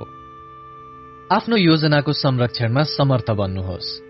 हामीले सावधानीपूर्वक के बुझ्नु जरुरी छ भने यो योजना निकै फलदायी छ तर शत प्रतिशत जोखिम रहित छ भन्ने चाहिँ होइन। कुनै पनि लगानीका योजना शत प्रतिशत जोखिम शून्य हुँदै हुँदैनन्। यो यथार्थलाई राम्ररी मनन गरौं। तसर्थ हाम्रो योजनामा कुनै अप्ठ्याराहरू बीचमा आइहाले भने ती अप्ठ्याराहरूलाई पन्छाउन हामी समर्थ हुनु जरुरी छ। उदाहरणको लागि हामी पन्ध्र वर्ष लगानी योजनामा पाँच वर्षको अन्तरालमा बीचबीचमा दुई पटक हामीले राखेको मुद्दती खातालाई नवीकरण गराउनु पर्ने हुन्छ। किनभने हाम्रो योजना पो पन्ध्र वर्षको हो तर कुनै पनि ब्याङ्क वा वित्तीय संस्थाले पन्ध्र वर्ष मुद्दती निक्षेप स्वीकार गर्दैनन्। बढ़ीमा पाँच वर्षसम्मको मात्रै स्वीकार गर्छन्। त्यसैले दुई पटक त्यो शुरूआती मुद्दती खातालाई नवीकरण गराउनु पर्ने हुन्छ। मानिलिउ शुरूमा तपाईँलाई पाँच वर्ष मुद्दती खातामा ब्याङ्कले बाह्र प्रतिशत वार्षिक ब्याज दिएको थियो अरे। पाँच वर्षपछि त्यो पहिलो मुद्दतीको समय सकिएर नवीकरण गराउने समयमा ब्याङ्कको ब्याज दर मुलुकको मौद्रिक अवस्था अनुसार बाह्र प्रतिशत भन्दा कम वा बढ़ी ब्याज पाउन सक्ने अवस्था हुन सक्छ। बढ़ी ब्याज पाइए त राम्रै भयो तर कम ब्याज पाइयो भने मानिलिउ दस प्रतिशत मात्रै ब्याज पाइने भयो रे।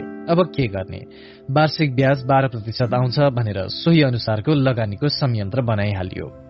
अब अहिले बीचमा ब्याजको कमाई घट्ने भयो। बाह्र प्रतिशत हिसाब गरेर ठ्याक्कै पुग्ने गरी बिमाको पोलिसी किनिएको रहेछ भने बिमाको प्रिमियम त बीचमा घटबड गराउन सकिन्न। बिमा पोलिसी त निरन्तर वर्षैपछि प्रिमियम तिरेर पन्ध्र वर्षसम्म कायम राख्नुपर्छ। अब के गर्ने? यो बीचमा आउन सक्ने समस्याका दुईवटा समाधान छन्।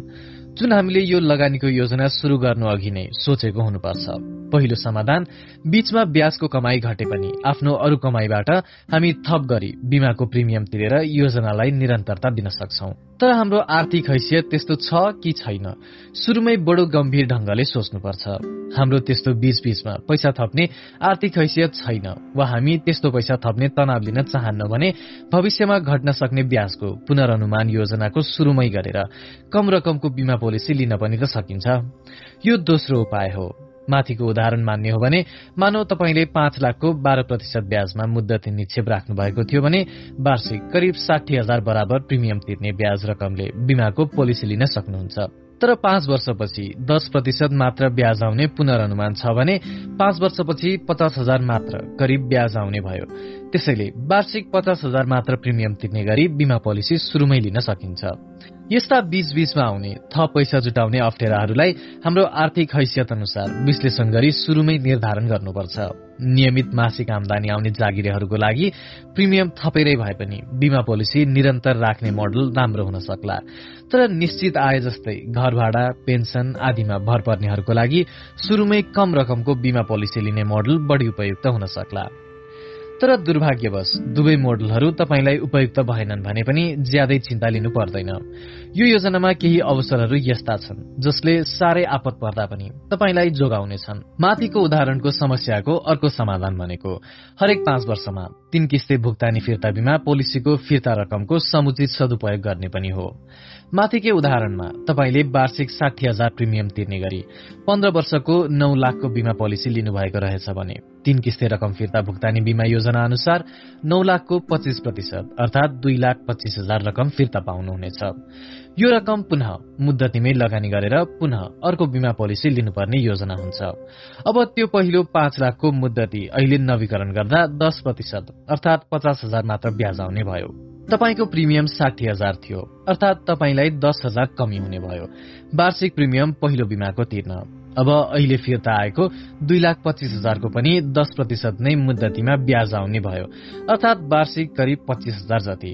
पहिलो मुद्दतीको नवीकरण गर्दा ब्याज दर नघटेको भए तपाईँले वार्षिक पच्चिस हजार तिर्ने गरी अर्को बिमा पोलिसी लिन सक्नुहुन्थ्यो। तर अब पहिलो बिमाको निरन्तरता कायम राख्नु भएन भने तपाईँको योजना सबै चौपट भइहाल्छ। त्यसैले बरु अब आउने वार्षिक पच्चिस हजार दोस्रो मुद्दतीको ब्याजबाट दस हजार।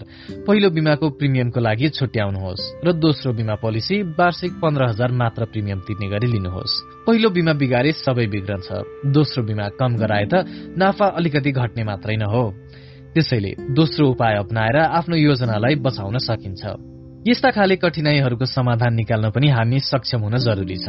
यस्तो खालका चलाखी हामीले अरू बेला पनि गर्नुपर्ने हुन सक्छ यो योजनामा दुई वर्ष बिमाको प्रिमियम तिरिसकेपछि बिमाबाट ऋण सापटी लिएर शेयर बजारमा लगानी गरी प्रतिफल बढाउने कुरा पनि यो योजनामा समावेश छ। तर शेयर बजार सधैँ हाम्रो अनुकूल चल्दैन।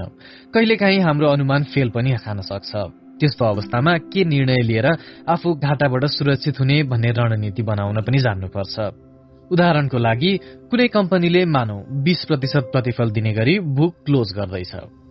तपाईँ बिमाबाट सापटी लिएर उक्त सेयर किन्न चाहनुहुन्छ।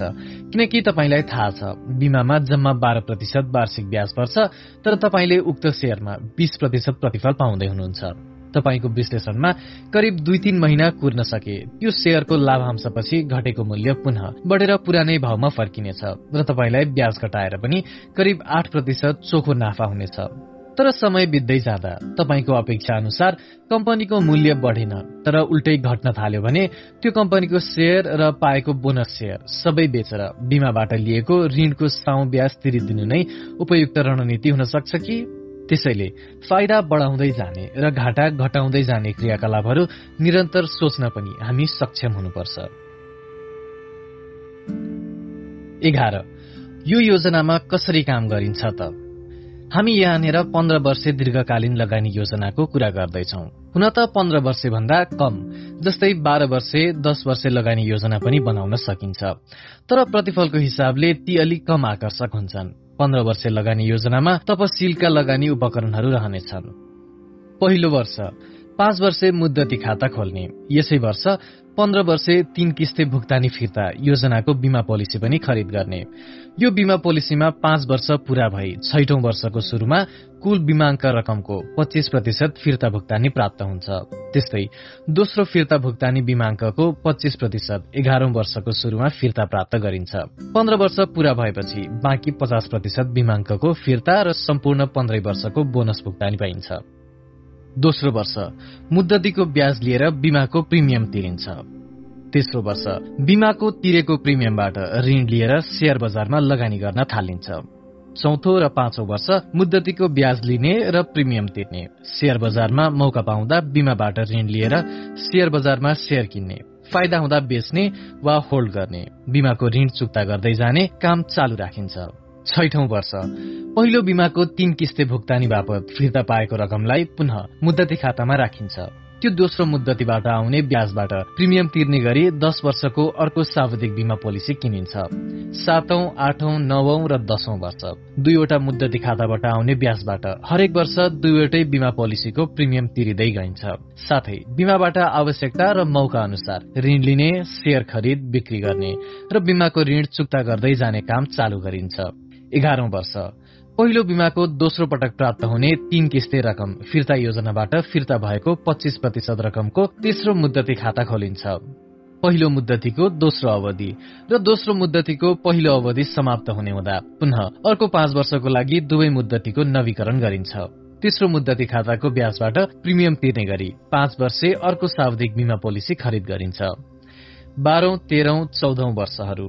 नियमित सबै तीनैवटा मुद्दती खाताहरूको ब्याज संकलन गर्ने बिमाको तीनैवटा प्रिमियमहरू तिर्ने वर्षहरू नियमित सबै तीनैवटा मुद्दती खाताहरूको ब्याज संकलन गर्ने बिमाको तीनैवटा प्रिमियमहरू तिर्ने गरिन्छ।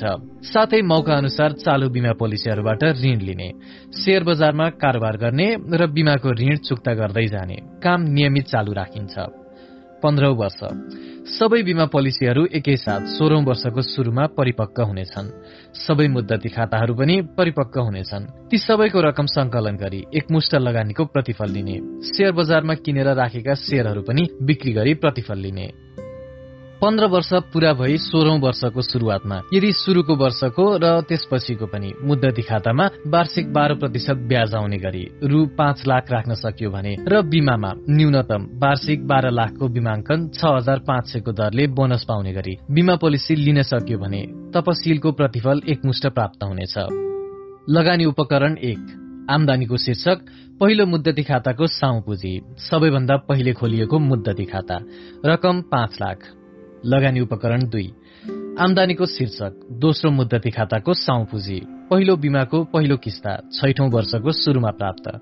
रकम दुई लाख तेह्र हजार। लगानी उपकरण तीन आमदानीको शीर्षक तेस्रो मुद्दती खाताको साउ पुँजी। पहिलो बिमाको दोस्रो किस्ता एघारौं वर्षको शुरूमा प्राप्त। दुई लाख तेह्र हजार रकम। लगानी उपकरण चार। आमदानीको शीर्षक पहिलो बिमा। छैठौं र एघारौं वर्षहरूमा पच्चीस प्रतिशतका दरले प्राप्त घटाएर पचास प्रतिशत हाल बोनस सहित प्राप्त। रकम बाह्र लाख एकसाठी हजार। लगानी उपकरण पाँच। आमदानी शीर्षक दोस्रो बिमा दस वर्षे सावधिक बिमा बोनस सहित। रकम चार लाख तेइस हजार। लगानी उपकरण छ। आमदानीको शीर्षक तेस्रो बिमा। पाँच वर्षे सावधिक बिमा बोनस सहित। रकम एक लाख सत्तरी हजार। लगानी उपकरण सात। आमदानीको शीर्षक शेयर बजारबाट प्राप्त औसत प्रतिफल। प्रति वर्ष पाँच प्रतिशतले बढ्दै जाने हिसाबमा। रकम एघार लाख अस्सी हजार। कुल जम्मा उन्चालिस लाख साठी हजार। मूल सामा लगानी पाँच लाखको आधारमा। उक्त रकम वार्षिक औसत आमदानी छयालिस प्रतिशत भन्दा केही बढ़ी हुन्छ। बाह्र क्रमबद्ध योजना निर्देशिका। लौ अब तपाईँहरू व्यावहारिक रूपमै यो योजना शुरू गर्न तयार हुनुहुन्छ त? यस पुस्तकमा वर्णन गरिएका सैद्धान्तिक कुराहरूलाई अब हामी व्यवहारमा उतार्न गइरहेका छौं।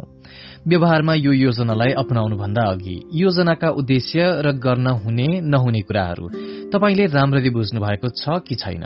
पुनः एकपटक सुनिश्चित गर्नुहोस्। त्यसपछि हामीले गर्नुपर्ने एक पछिका अर्का चरणहरू हामी बताउनेछौं। पहिलो काम आफूले गर्ने लगानी रकम छुट्याउनुहोस्। यस योजनाको पहिलो काम। तपाईँले निर्णय गरे अनुसार र तपाईँको गच्छे अनुसारको रकम जुन तपाईँको मूल साउ पुँजी हुनेछ त्यसको जुहो गर्नु हो। यो साउ पुँजी रकमको तपाईँले आफ्नो मनले खाएको भरपर्दो कुनै ब्याङ्क वा वित्तीय संस्थामा मुद्दती खाता खोल्नुपर्ने हुन्छ। मुद्दती निक्षेपमा कति ब्याज पाइन्छ भनेर पनि विचार गर्नुपर्ने हुन्छ। जति बढी ब्याजमा मुद्दती राख्न सक्यो त्यति राम्रो हो। तर त्यसो भन्दैमा धेरै जोखिम मोलेर बढी ब्याजको लोभ गर्नु पनि राम्रो होइन। कतिसम्म ब्याज दर लिनु राम्रो हो भने ठ्याक्कै कुनै आधार हुँदैन। तर लामो समयदेखि काम गरिरहेका ब्याज र सामा समयमै भुक्तानी गरिरहेका आर्थिक स्थिति बलियो भएका ब्याङ्क तथा वित्तीय संस्थाहरू मुद्दती निक्षेप राख्नुपर्छ। त्यस्तै साउ पुँजी कतिबाट शुरू गर्ने भन्नेमा ठ्याक्कै यति नै हुनुपर्छ भन्ने त छैन। तर कम्तीमा दुई लाख वा त्योभन्दा माथिको रकमबाट शुरू गर्ने सल्लाह हामी दिन्छौ। किनभने त्योभन्दा कम रकम परिचालन गरेर दुई वर्षपछि बिमाबाट ऋण लिएर शेयरमा लगानी गर्दा खास प्रतिफल आउँदैन। साथै पन्ध्र वर्षपछि आउने एकमुष्ट रकम पनि कम हुन्छ र खास काम गर्न सकिँदैन। त्यसैले कम्तीमा दुई लाख साउ पुँजीबाट शुरू गर्नुहोस् भन्ने सल्लाह हो। उदाहरणको लागि वार्षिक दस हजार प्रिमियम तिर्ने गरी ब्याजबाट बीमा पोलिसी लिनुभयो भने दुई वर्षको प्रिमियम बीस हजार तिरिएको हुन्छ जसबाट बाह्र हजारसम्म बीमाबाट ऋण लिन सकिन्छ। यो रकम दोस्रो बजारबाट सेयर किन्न अलिक सानो रकम भयो जसबाट अपेक्षाकृत प्रतिफल पनि कम नै आउँछ। सानो रकमले दोस्रो बजारबाट राम्रो कम्पनीको सेयर किन्दा मानव दस किता किन्न सकिएला रे। अनि त्यो दस किताको बोनस सेयर एक वा दुई किता मात्र पाइएला।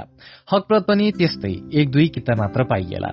अनि त्यस्तो सानो सानो किता सेयरहरूको कारोबार अनुगमन गरिराख्न बढी समय र परिश्रम खर्चिनुपर्ने हुन्छ। साथै प्रतिफल पनि अपेक्षाकृत रूपमा घट्न जान्छ। दोस्रो काम। आफ्नो जोखिम वहन क्षमता अनुसार वित्तीय संस्था छान्नुहोस्। अबको काम भनेको आफूले धान्न सक्ने सम्मको जोखिम लिएर आफूले छुट्याइएको साउ पुँजीलाई उच्च ब्याज आउने ब्याङ्क वा वित्तीय संस्थामा मुद्दत निक्षेप खाता खोल्नु हो। हामी प्राय बढ़ी ब्याज दिने संस्थाप्रति आकर्षित छिट्टै हुन्छौ। त्यो हाम्रो लोभले गर्दा हो। जुन स्वाभाविक पनि हो तर बिर्सन नहुने कुरा के हो भने जहाँ फाइदा वा प्रतिफल बढ़ी हुन्छ त्यहाँ जोखिम पनि बढ़ी हुन्छ। प्रतिफल र जोखिम सँगसँगै आउने कुरा हुन्। त्यसैले ज्यादा लोभ गर्दा नाफा खोज्दो चुत्थो साउ समेत फुत्क्यो भन्ने उखान चरितार्थ हुन सक्छ। त्यस्तो पनि हुन दिन भएन। उदाहरणको लागि धेरै ब्याज दिने लोभमा कमजोर संस्थामा पैसा राख्यौं र भोलि त्यो संस्था नै डुब्यो भने त्यस्ता घटनाहरू धेरै भएका छन् पनि। त्यसैले उपयुक्त ब्याङ्क तथा वित्तीय संस्था छान्नका लागि निम्न बुदाहरूमा ध्यान दिनुहोस्। एक तपाईँले छनौट गरेको वित्तीय संस्थाले अरू ग्राहकहरूलाई के कस्तो सेवा दिइरहेको छ? के ग्राहकहरू सन्तुष्ट छन्? त्यो संस्थाको बारेमा सकारात्मक वा नकारात्मक के कस्ता हल्लाहरू सुनिन्छन्? दुई त्यो वित्तीय संस्थाहरूको सरकारी नियामक निकाय छ कि छैन? जस्तै ब्याङ्क फाइनेन्सहरूलाई नेपाल राष्ट्र ब्याङ्कले नियमन गर्छ। सहकारीहरूको नियमन अलि फितलो छ। तीन योजनाको अवधि आगामी पन्ध्र वर्षमा उक्त वित्तीय संस्थाको दुर्घटना भएमा तपाईँको वैकल्पिक योजना के छ? जस्तै ब्याङ्कहरूमा दुई लाखसम्मको निक्षेप बिमा गरिएको हुन्छ। चार संस्थाको विगतका वर्षहरूको आर्थिक विवरणहरू सन्तोषप्रद छन् जस्तै नेटवर्थ ऋणात्मक नरहेको मुनाफा राम्रो रहेको प्रतिफल राम्रो दिएको खराब कर्जा पनि बढ़ी नरहेको आदि। अहिले बजार अध्ययन गर्दा तपशीलका बैंक तथा वित्तीय संस्थाहरूले बढ़ीमा पाँच वर्षको मुद्दती निक्षेप स्वीकार गरिरहेको पाइन्छ। वाणिज्य ब्याङ्कहरू। वाणिज्य ब्याङ्कहरूलाई नेपाल राष्ट्र ब्याङ्कले क वर्गको ब्याङ्कमा राखेको छ। यस्ता ब्याङ्कहरूले आफ्नो क्षमता अनुसार पाँचदेखि आठ प्रतिशतसम्म ब्याज मुद्दती निक्षेपमा दिएका छन्। हामीले भनिसक्यौं कि मुद्दती निक्षेपमा ब्याज दर कम हुनु भनेको पन्ध्र वर्षपछिको समग्र प्रतिफल करिब एक्काइस लाख जति मात्रै हुन जान्छ। यस्ता वाणिज्य ब्याङ्कहरूमा मुद्दती रकम राखेर योजना शुरू गर्न तिनलाई उपयुक्त हुन्छ जो न्यूनतम मात्रै जोखिम लिन चाहन्छन् र प्रतिफल कम नै भए पनि सन्तोष मान्छन्। यसमा दुई लाखसम्मको निक्षेप बिमा पनि सरकारले गरेको छ। विकास ब्याङ्कहरू बजारमा अर्को खाले ख वर्गका विकास ब्याङ्कहरू छन् जसले सातदेखि बाह्र प्रतिशतसम्म प्रतिफल मुद्दती निक्षेपमा दिन्छन्। यिनमा पाँच लाख साउ पुँजीबाट शुरू गर्दा पन्ध्र वर्षपछिको समय प्रतिफल करिब साढे छब्बीस लाख पाइनेछ। औसत जोखिम वहन गर्न सक्नेहरूको लागि यो छनौट राम्रो हुन्छ। यसमा पनि दुई लाखसम्मको निक्षेप बिमा रहन्छ। फाइनेन्स कम्पनीहरू ग वर्गमा रहेका फाइनेन्स कम्पनीहरूले मुद्दतीमा नौदेखि तेह्र प्रतिशतसम्म वार्षिक ब्याज दिने गर्छन्। यसको नियामक पनि राष्ट्र ब्याङ्क नै हो र दुई लाखसम्मको निक्षेप बिमा पनि हुन्छ। पाँच लाखको साउ पुँजीबाट योजना शुरू गरे। पन्ध्र वर्षपछि करिब पैंतिस लाखको प्रतिफल पाइन्छ। मध्यस्तरको जोखिम उठाउनेहरूको लागि यो उपयुक्त विकल्प हो। सहकारीहरू अर्को वर्गमा सहकारी संस्थाहरू पर्छन् जसले मुद्दतीमा बाह्रदेखि अठार प्रतिशतसम्म वार्षिक ब्याज दिन्छन्। सहकारीहरूको नियामक निकाय सहकारी बोर्ड हो तर व्यावहारिक नियमन फितलो छ।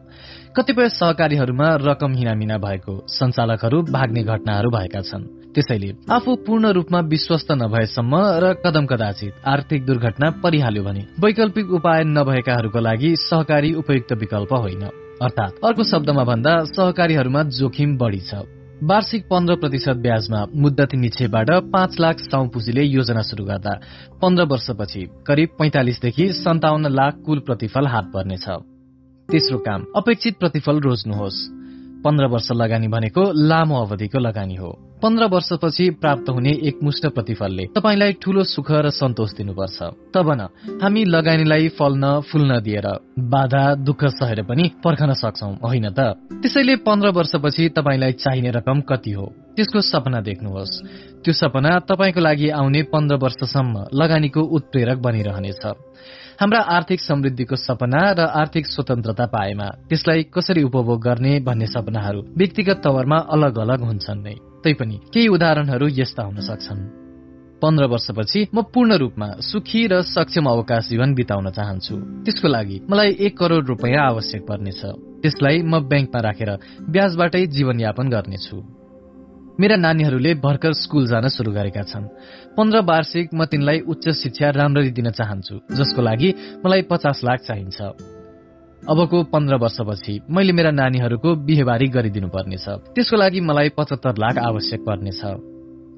मेरो आर्थिक हैसियत खासै राम्रो छैन। अहिले म डेरामा बस्छु। म चाहन्छु ढिलै भए पनि पन्ध्र वर्षपछि मेरो आफ्नै घर होस्। मेरा नानीहरूले पनि आफ्नै घरमा बस्न पाउन्। त्यसको लागि मलाई त्यति बेला कम्तीमा पनि डेढ करोड़ चाहिन्छ। म चाहन्छु कि पन्ध्र वर्षपछि मेरो नानीले उच्च शिक्षा लिए पश्चात आफ्नै व्यवसाय शुरू गरोस्। उसको व्यवसाय शुरू गर्न मैले सहयोग गर्न सकौं। करिब एक करोड़ मेरो हातमा भए म त्यसो गर्न सक्छु। यी केही उदाहरणहरू मात्र हुन्। व्यक्तिगत आर्थिक सपना चाहना योजनाहरू फरक फरक हुन्छन् तर सबैको लागि पैसा चाहिँ चाहिन्छ नै। कति पैसा भविष्यमा चाहिने हो भन्ने कुराले अहिले साउ पुँजी कति चाहिन्छ र कति वार्षिक प्रतिफल आउने गरी अहिले लगानी शुरू गर्नुपर्छ भन्ने कुरालाई निर्धारण गर्दछ। यस्तो योजना गर्दा एउटा पक्ष के भुल्नु हुँदैन भने पैसाको समय मूल्य पनि हुन्छ। त्यो भनेको पैसाको क्रय शक्ति सामान्यतया घट्दो क्रममा हुन्छ। अर्को शब्दमा भन्दा आज जति पैसाले जे काम गर्न सकिन्छ पन्ध्र वर्षपछि त्यही काम गर्न अहिलेको भन्दा बढ़ी मात्रामा पैसा चाहिन्छ। त्यस्तै आज एउटा घर किन्नु पर्यो भने एक करोड़मा पाइएला तर पन्ध्र वर्षपछि त्यस्तै घर किन्नु परेमा डेढ वा दुई करोड़ पर्न सक्छ। आफ्नो आर्थिक सपना देख्दा योजना बनाउँदा पैसाको यो समय मूल्य पक्षलाई बिर्सनु हुँदैन। चौथो काम आफ्नो योजनालाई आफू सुहाउँदो बनाउनुहोस्। तपाईँले आर्थिक सपना देख्नुभयो। यो राम्रो कुरा हो। अब आफ्नो सपना जुनसुकै हालतमा पनि पूरा गरेर छोड्ने गरी पूर्ण तयारीका साथ काम गर्नुपर्छ। यसले मात्रै हाम्रो योजनालाई दह्रो र दिगो बनाउँछ। त्यसैले अब आफ्नो हैसियत रुचि अनुसार आफ्नो योजनाको खाका तयार पार्न शुरू गरौं। यसको लागि निम्न बुदाहरूमा राम्ररी सोच विचार गरेर तय गरौं। कति रुपियाँ साउ पुँजी राख्ने तय गर्नुभयो? भविष्यमा केही रकम थप्नुपर्ने आवश्यकता परिहाल्यो भने कसरी व्यवस्था गर्नुहुन्छ? लोभ र डरलाई काबुमा राख्दै कति जोखिम मोल्ने कुन वर्गको ब्याङ्क वा वित्तीय संस्थामा वार्षिक कति प्रतिशतका दरले मुद्दती निक्षेप राख्ने निर्णय गर्नुभयो त? तपाईँ वा तपाईँको परिवारको कुन सदस्यको जीवन बिमा गराउने निर्णय गर्नुभयो? याद राख्नुहोस् कि उमेर र स्वास्थ्य अवस्था अनुसार बिमाको प्रिमियम दर फरक हुन्छ जसको प्रत्यक्ष असर तपाईँको लगानीको प्रतिफलमा पर्छ। भविष्यमा आइपर्न सक्ने निम्न अवस्थालाई कसरी सामना गर्ने हो तय गर्नुभयो। पाँचौं वर्षपछि मुद्दती निक्षेप नवीकरण गर्दा ब्याज दर घट्न सक्छ। बजारको अवस्था अनुसार। शेयर बजारमा प्रारम्भिक निष्कासनको शेयरमा आवेदन गर्दा वा किनबेच गर्दा केही थप रकम आवश्यक हुन सक्छ। हकप्रत शेयरहरू किन्दा पनि केही थप रकम आवश्यक पर्न सक्छ। जीवन बिमाको बोनस्तर घट्न सक्छ। बजारको अवस्था र बिमा कम्पनीको कार्यक्षमता अनुसार। पाँचौं काम। भविष्यमा अतिरिक्त पैसाको जोहो गर्न सक्नुहुन्न भने त्यसको वैकल्पिक तयारी गर्नुहोस्। योजनाको बीचका वर्षहरूमा धेरथोर अतिरिक्त लगानीको आवश्यकता पर्छ नै। हामीले त्यसको व्यवस्थापन गर्न सकौंला नै। तर सबैले अतिरिक्त पैसा जुटाउन सक्ला नै भन्ने छैन। खास गरी यदि तपाईँको भविष्यको आमदानी र बचतको स्पष्ट खाका छैन वा तपाईँ पूर्व विश्वस्त हुनुहुन्न भने योजनामा अहिले नै वैकल्पिक व्यवस्था गरौं। यो वैकल्पिक व्यवस्था भनेको भविष्यमा चाहिन सक्ने लगानीलाई मध्यनजर गरेर अहिलेको शुरूआती लगानी कम गर्ने र भविष्यको नियमित बचतबाट जोगाएर बीच बीचमा आइपर्ने थप लगानीको व्यवस्था गर्ने हो। उदाहरणको लागि तपाईँले वार्षिक अस्सी हजार ब्याज आउने गरी मुद्दती बचत गर्नुभयो। तर भविष्यमा बीच बीचमा आउने लगानीको आवश्यक थप रकम जोहो गर्न सक्नुहुन्न भने वार्षिक सत्तरी हजार मात्र लाग्ने गरी प्रिमियमको अनुसार बिमा गर्न सक्नुहुन्छ। यसबाट वार्षिक दस हजार तपाईँको बचत हुन्छ जसले बीच बीचमा आउने लगानीको आवश्यकताको व्यवस्थापन गर्न सक्नुहुन्छ। छैठौं काम। पाँच वर्षपछि मुद्दती बचतको ब्याज दर घटे के गर्ने? योजना बनाउनुहोस्।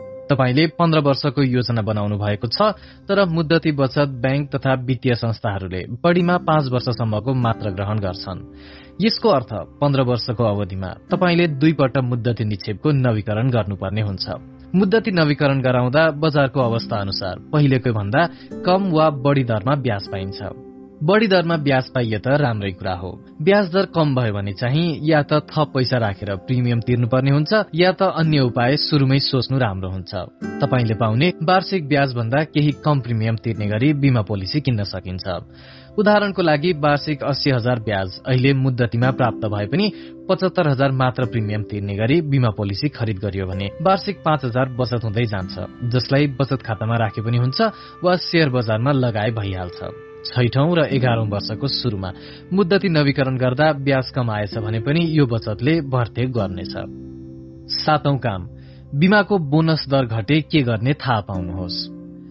बिमा कम्पनीहरूले आफूले कमाएको नाफाको आधारमा आफ्ना ग्राहकहरूलाई बोनस वितरण गर्ने हो।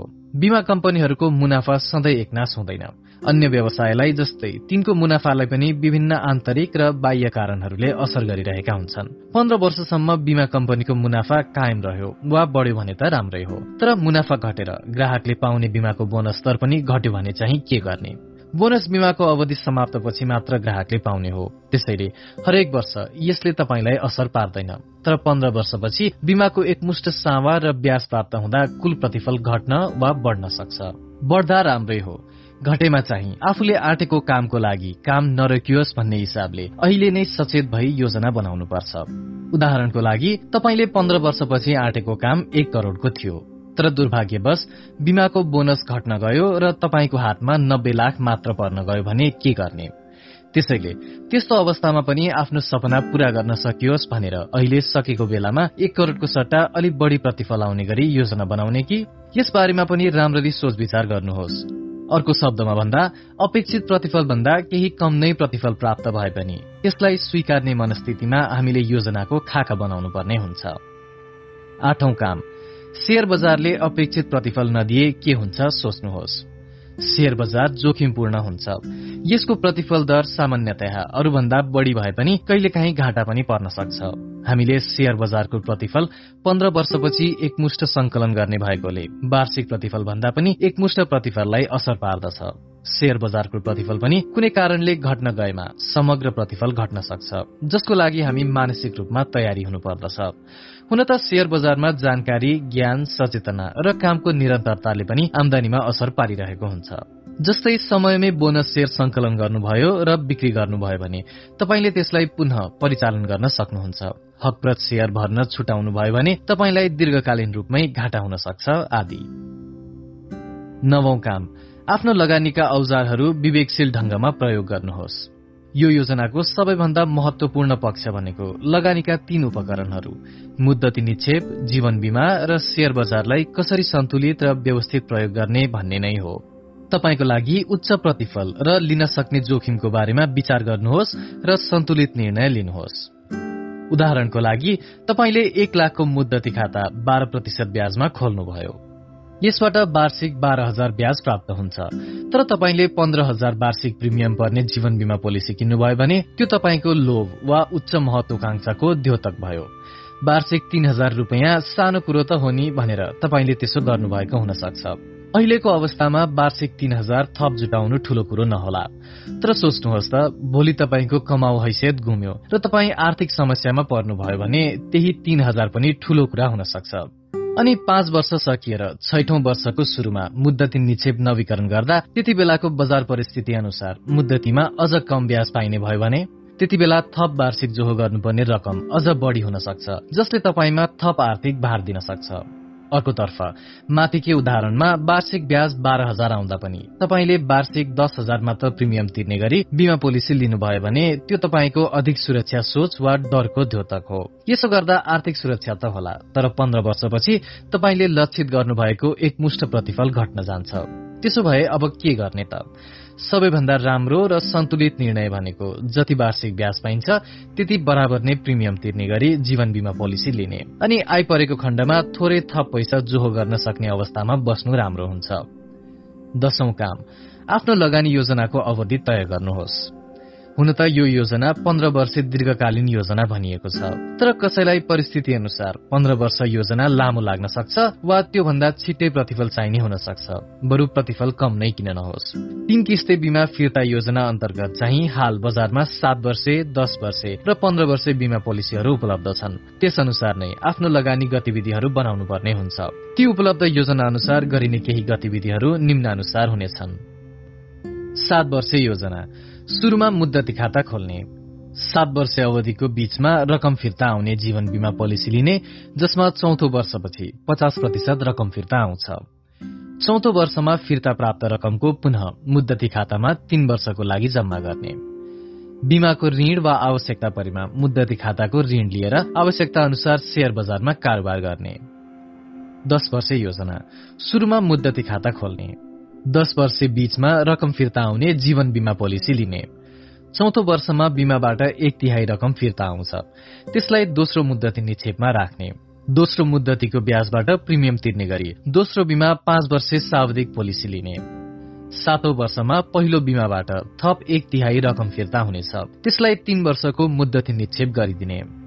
आवश्यकता अनुसार बीमा वा मुद्दती खाताहरूबाट ऋण लिएर शेयर कारोबारहरू गर्ने। पन्ध्र वर्ष योजना।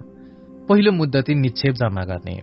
पहिलो पन्ध्र वर्षे तीन किस्ते बिमा पोलिसी लिने जसमा पाँचौं वर्षपछि बिमाङ्कको पच्चिस प्रतिशत दशौं वर्षपछि पच्चिस प्रतिशत र पन्ध्र वर्षपछि बाँकी पचास प्रतिशत सँगै सम्पूर्ण बोनस रकम प्राप्त हुनेछ।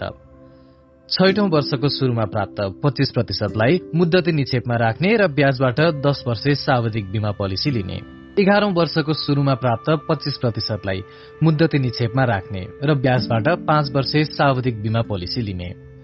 आवश्यकता अनुसार बीमा वा मुद्दती खाताहरूबाट ऋण लिएर शेयर कारोबारहरू गर्ने। अन्य ध्यान दिनुपर्ने कुराहरू।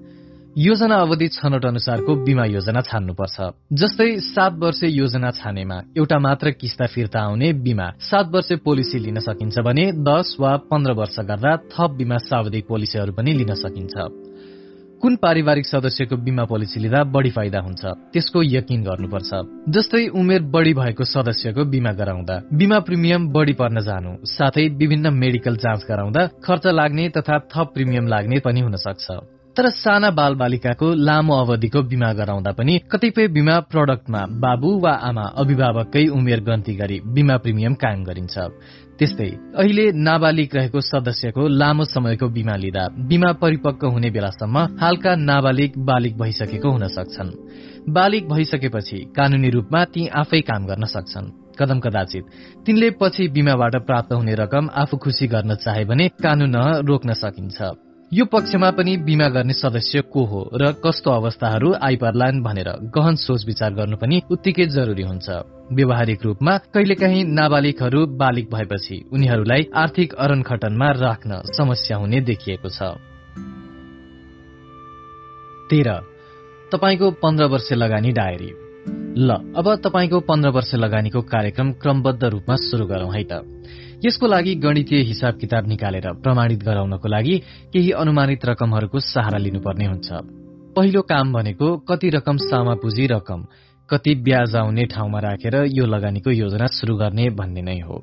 वार्षिक बाह्र प्रतिशतको दरले हुन आउने लगानीबाट सिर्जित प्रतिफलको माथि नै व्याख्या गरिसकिएको छ। अब यहाँ वार्षिक सोह्र प्रतिशतका दरले ब्याज आउने सहकारीमा सामा पुँजी राखेर यो लगानी योजना गर्दा के अवस्था हुँदो रहेछ हेरौं। योजनाका लागि लिएका आधारभूत मान्यताहरू। पहिलो मुद्दती निक्षेप रु पाँच लाख कुनै प्रतिष्ठित र विश्वसनीय सहकारीमा राखेर योजना शुरू गर्ने। लगानीको योजना पन्ध्र वर्षको लागि बनाउने। पन्ध्र वर्षे तीन किस्ते रकम फिर्ता योजना बाह्र लाखको बिमा पोलिसी पहिलो वर्षमा लिने। यो योजनाबाट पाँच वर्ष सकिएर छैठौं वर्ष शुरूमा फिर्ता आउने बिमाङ्कको पच्चीस प्रतिशत अर्थात रु तीन लाखलाई पनि सोही वा अन्य सहकारीमै वार्षिक सोह्र प्रतिशतका दरले ब्याज आउने गरी राख्ने।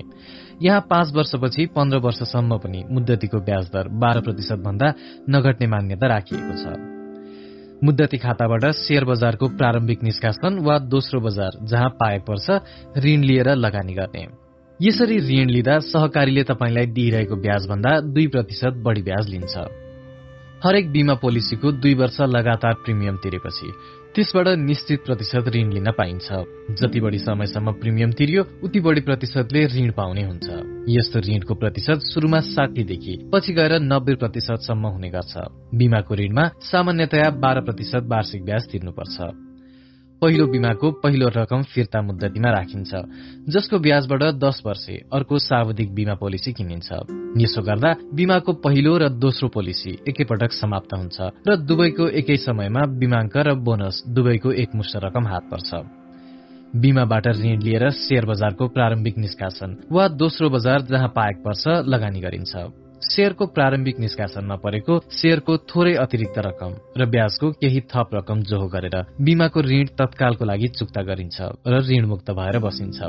आवश्यक पर्दा फेरि ऋण लिएर शेयर बजारमा खेलो गरिन्छ। मुद्दती वा बिमा जेबाट ऋण लिए पनि शेयरको प्रारम्भिक निष्कासनमा लगानी गरेको छ भने पन्ध्र वर्षसम्मै दीर्घकालीन रूपमा शेयर होल्ड गरेर राखिन्छ। किनभने शेयरको प्रारम्भिक निष्कासनमा सामान्यतया सानो रकमको मात्रै शेयर पर्ने गर्छ। जुन योजनाको बीचमै जुटाउन पनि खासै अप्ठ्यारो पर्दैन। हरेक वर्ष आउने लाभांश बोनस शेयर हकप्रत शेयर आदि लिँदै बसिन्छ। मुद्दती वा बिमा जेबाट ऋण लिए पनि शेयरको दोस्रो बजारमा लगानी गरेको छ भने चाहिँ दीर्घकालीन लगानी नगरी अल्पकालीन रूपमा फाइदा लिएर बेच्ने रणनीति लिइन्छ। यो किनभने तपाईँले लिएको मुद्दती वा बिमाको ऋणको सबै रकमको शेयर दोस्रो बजारमा किन्न सकिन्छ। तर तपाईँले ऋण बोकिराख्दा त्यसको ब्याज धेरै चढ्ने र दोस्रो बजारका तपाईँले किनेको शेयर मूल्य घट्ने दोहोरो जोखिम हुन सक्छ त्यसैले दोस्रो बजारको कारोबारमा घाटा हुन थालेमा स्टप लस अर्थात जोखिम बन्द गर्ने रणनीति पनि अप्नाउनु पर्ने हुन्छ। हुन त यो योजनामा दोस्रो बजारको शेयर खरिद गर्दा हाम्रो बोनस शेयर दिएको कम्पनी शेयर किन्ने र तीन महिना जतिमा मूल्य माथि आउन साथ बेच्ने रणनीति लिएकाले जोखिम केही कम त हुन्छ तर बजार कसैको नियन्त्रणमा नरहने हुनाले ज्यादै जोखिम लिनु हुँदैन। सामान्यतया दोस्रो बजारको कारोबार तीन महिनामा सकिसक्ने लक्ष्य राखिन्छ। तीन महिनाभित्रमा कारोबार सकेर प्राप्त रकमले मुद्दती वा बिमाको ऋण रकम चुक्ता गरिन्छ र ऋणमुक्त भएर बसिन्छ। आवश्यक पर्दा फेरि ऋण लिएर शेयर दोस्रो बजारमा कारोबार गरिन्छ। शेयर बजारले खर्च घटाएर वार्षिक न्यूनतम पाँच प्रतिशत प्रतिफल प्रदान गर्ने मान्यता राखिएको छ। अघिल्लो वर्षमा शेयरमा कारोबार गरेको जस्तै प्रारम्भिक निष्कासनको होल्ड गरेको शेयर वा दोस्रो बजारमा कमाइएको नाफा कुनै ब्याङ्कको बचत खातामा राखे पनि न्यूनतम पाँच प्रतिशत प्रतिफल दिन्छ भन्ने मान्यता राखिएको छ। सुरु लगानीको सामा पुँजी जुटाउने तरिकाहरू। लगानीको साउ पुँजी कसरी जुटाउने भन्ने कुरा लगानीकर्ताले नै सोच्ने कुरा हो। तापनि हामी यहाँ केही उपायहरू सुझाइरहेका छौं। आफ्नो बचतको रकम परिचालन गरेर जागिरेहरूले पेस्की लिएर वा सञ्चय कोष आदि सापटी लिएर यस्तो सापटी नियमित मासिक किस्तामा तिर्न सकिन्छ। जग्गा वा घर केही धितो राखेर ऋण लिएर। तर यसको लागि ऋणको सावा र ब्याजको मासिक किस्ता तिर्ने आर्थिक नियमित स्रोत वा हैसियत चाहिँ हुनु जरुरी छ। धितो ऋणमा ब्याङ्कहरूले आठदेखि बाह्र प्रतिशतसम्म ब्याज लिने गर्छन्। बजारको अवस्था हेरी ब्याज दर कम बेसी भइरहन्छ। केही संस्थाहरूका जागिरे वा पेसेवर स्वरोजगारहरूको लागि ब्याङ्कहरूले बिना धितो व्यक्तिगत कर्जा पनि हाल पन्ध्र लाखसम्म दिने गर्छन्। तर यस्तो कर्जाको ब्याज दर चाहिँ अलि बढ़ी अर्थात तेह्रदेखि अठार प्रतिशतसम्म लिने गरेको पाइन्छ। कति रकमसम्म कर्जा पाइन्छ भन्ने कुरा चाहिँ कर्जाको मासिक सामा ब्याज तिर्ने आमदानीको स्रोतमा भर पर्छ। यदि तपाईँसँग क्रेडिट कार्ड छ भने एकमुष्ट पैसा निकालेर योजना शुरू गर्ने र ऋणको मासिक किस्ता तिर्न पनि सकिन्छ। तर क्रेडिट कार्डबाट नगद निकाल्दा ब्याज दर चाहिँ निकै चर्को अर्थात वार्षिक तीस प्रतिशत जति नै पर्न जान्छ। त्यसैले यो सामा पुँजी जुटाउने त्यति राम्रो विकल्प चाहिँ होइन। पहिलो वर्षमा गरिने कामहरू र लाग्ने दिन संख्या ब्याङ्क वित्तीय संस्था वा सहकारीमा मुद्दती खाता खोल्न एक दिन। बिमामा तीन किस्ते भुक्तानी फिर्ता पोलिसी लिन र कागज पत्रहरू बनाउन एक दिन।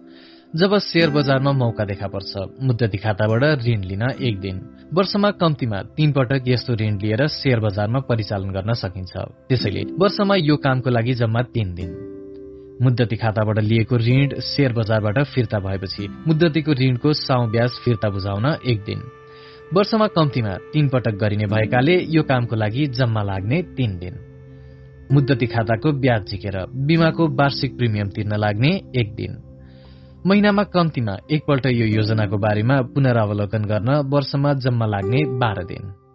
यस अनुसार वर्षमा बढ़ीमा जम्मा एक्काइस दिन तपाईँले यो योजनामा काम गर्नुहुनेछ।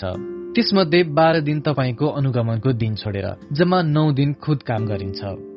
पहिलो वर्षको अन्तमा तपाईँको यो योजनाले निम्न अनुसारको प्रतिफल कमाएको हुनेछ। यो रकम तपाईँले कमाइसक्नु भएको छ तर तपाईँको हातमा चाहिँ परेको हुँदैन। त्यो योजनामै पाकेर जम्मा भएर बसेको छ भनेर बुझ्न सकिन्छ। पहिलो वर्षको पाकेको साउ र प्रतिफल यस्तो हुनेछ। विवरण पहिलो मुद्दती जम्मा रकम रकम पाँच लाख।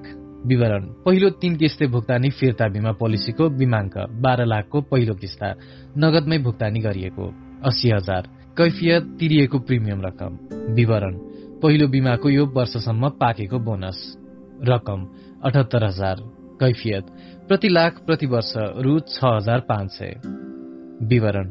यो वर्षको मुद्दतीको ऋण परिचालनले शेयर बजारबाट आर्जित रकम। रकम त्रिसठी हजार। कैफियत मुद्दतीबाट वर्षमा तीन पटक ऋण परिचालन र वार्षिक पाँच प्रतिशत प्रतिफल। कुल जम्मा सात लाख एक्काइस हजार। दोस्रोदेखि पाँचौं वर्षसम्म काम गर्ने दिनहरू। दोस्रो वर्षदेखि पाँचौं वर्षसम्म गरिने कामहरू पहिलो वर्ष जस्तै हुन्। तपाईँले मुद्दती खाता खोल्ने र बिमा पोलिसी लिइसक्नु भएकाले ती दुई दिनहरू घटाएर जम्मा सात दिन यी वर्षहरूमा हरेक वर्ष खुद काम गर्नुपर्नेछ।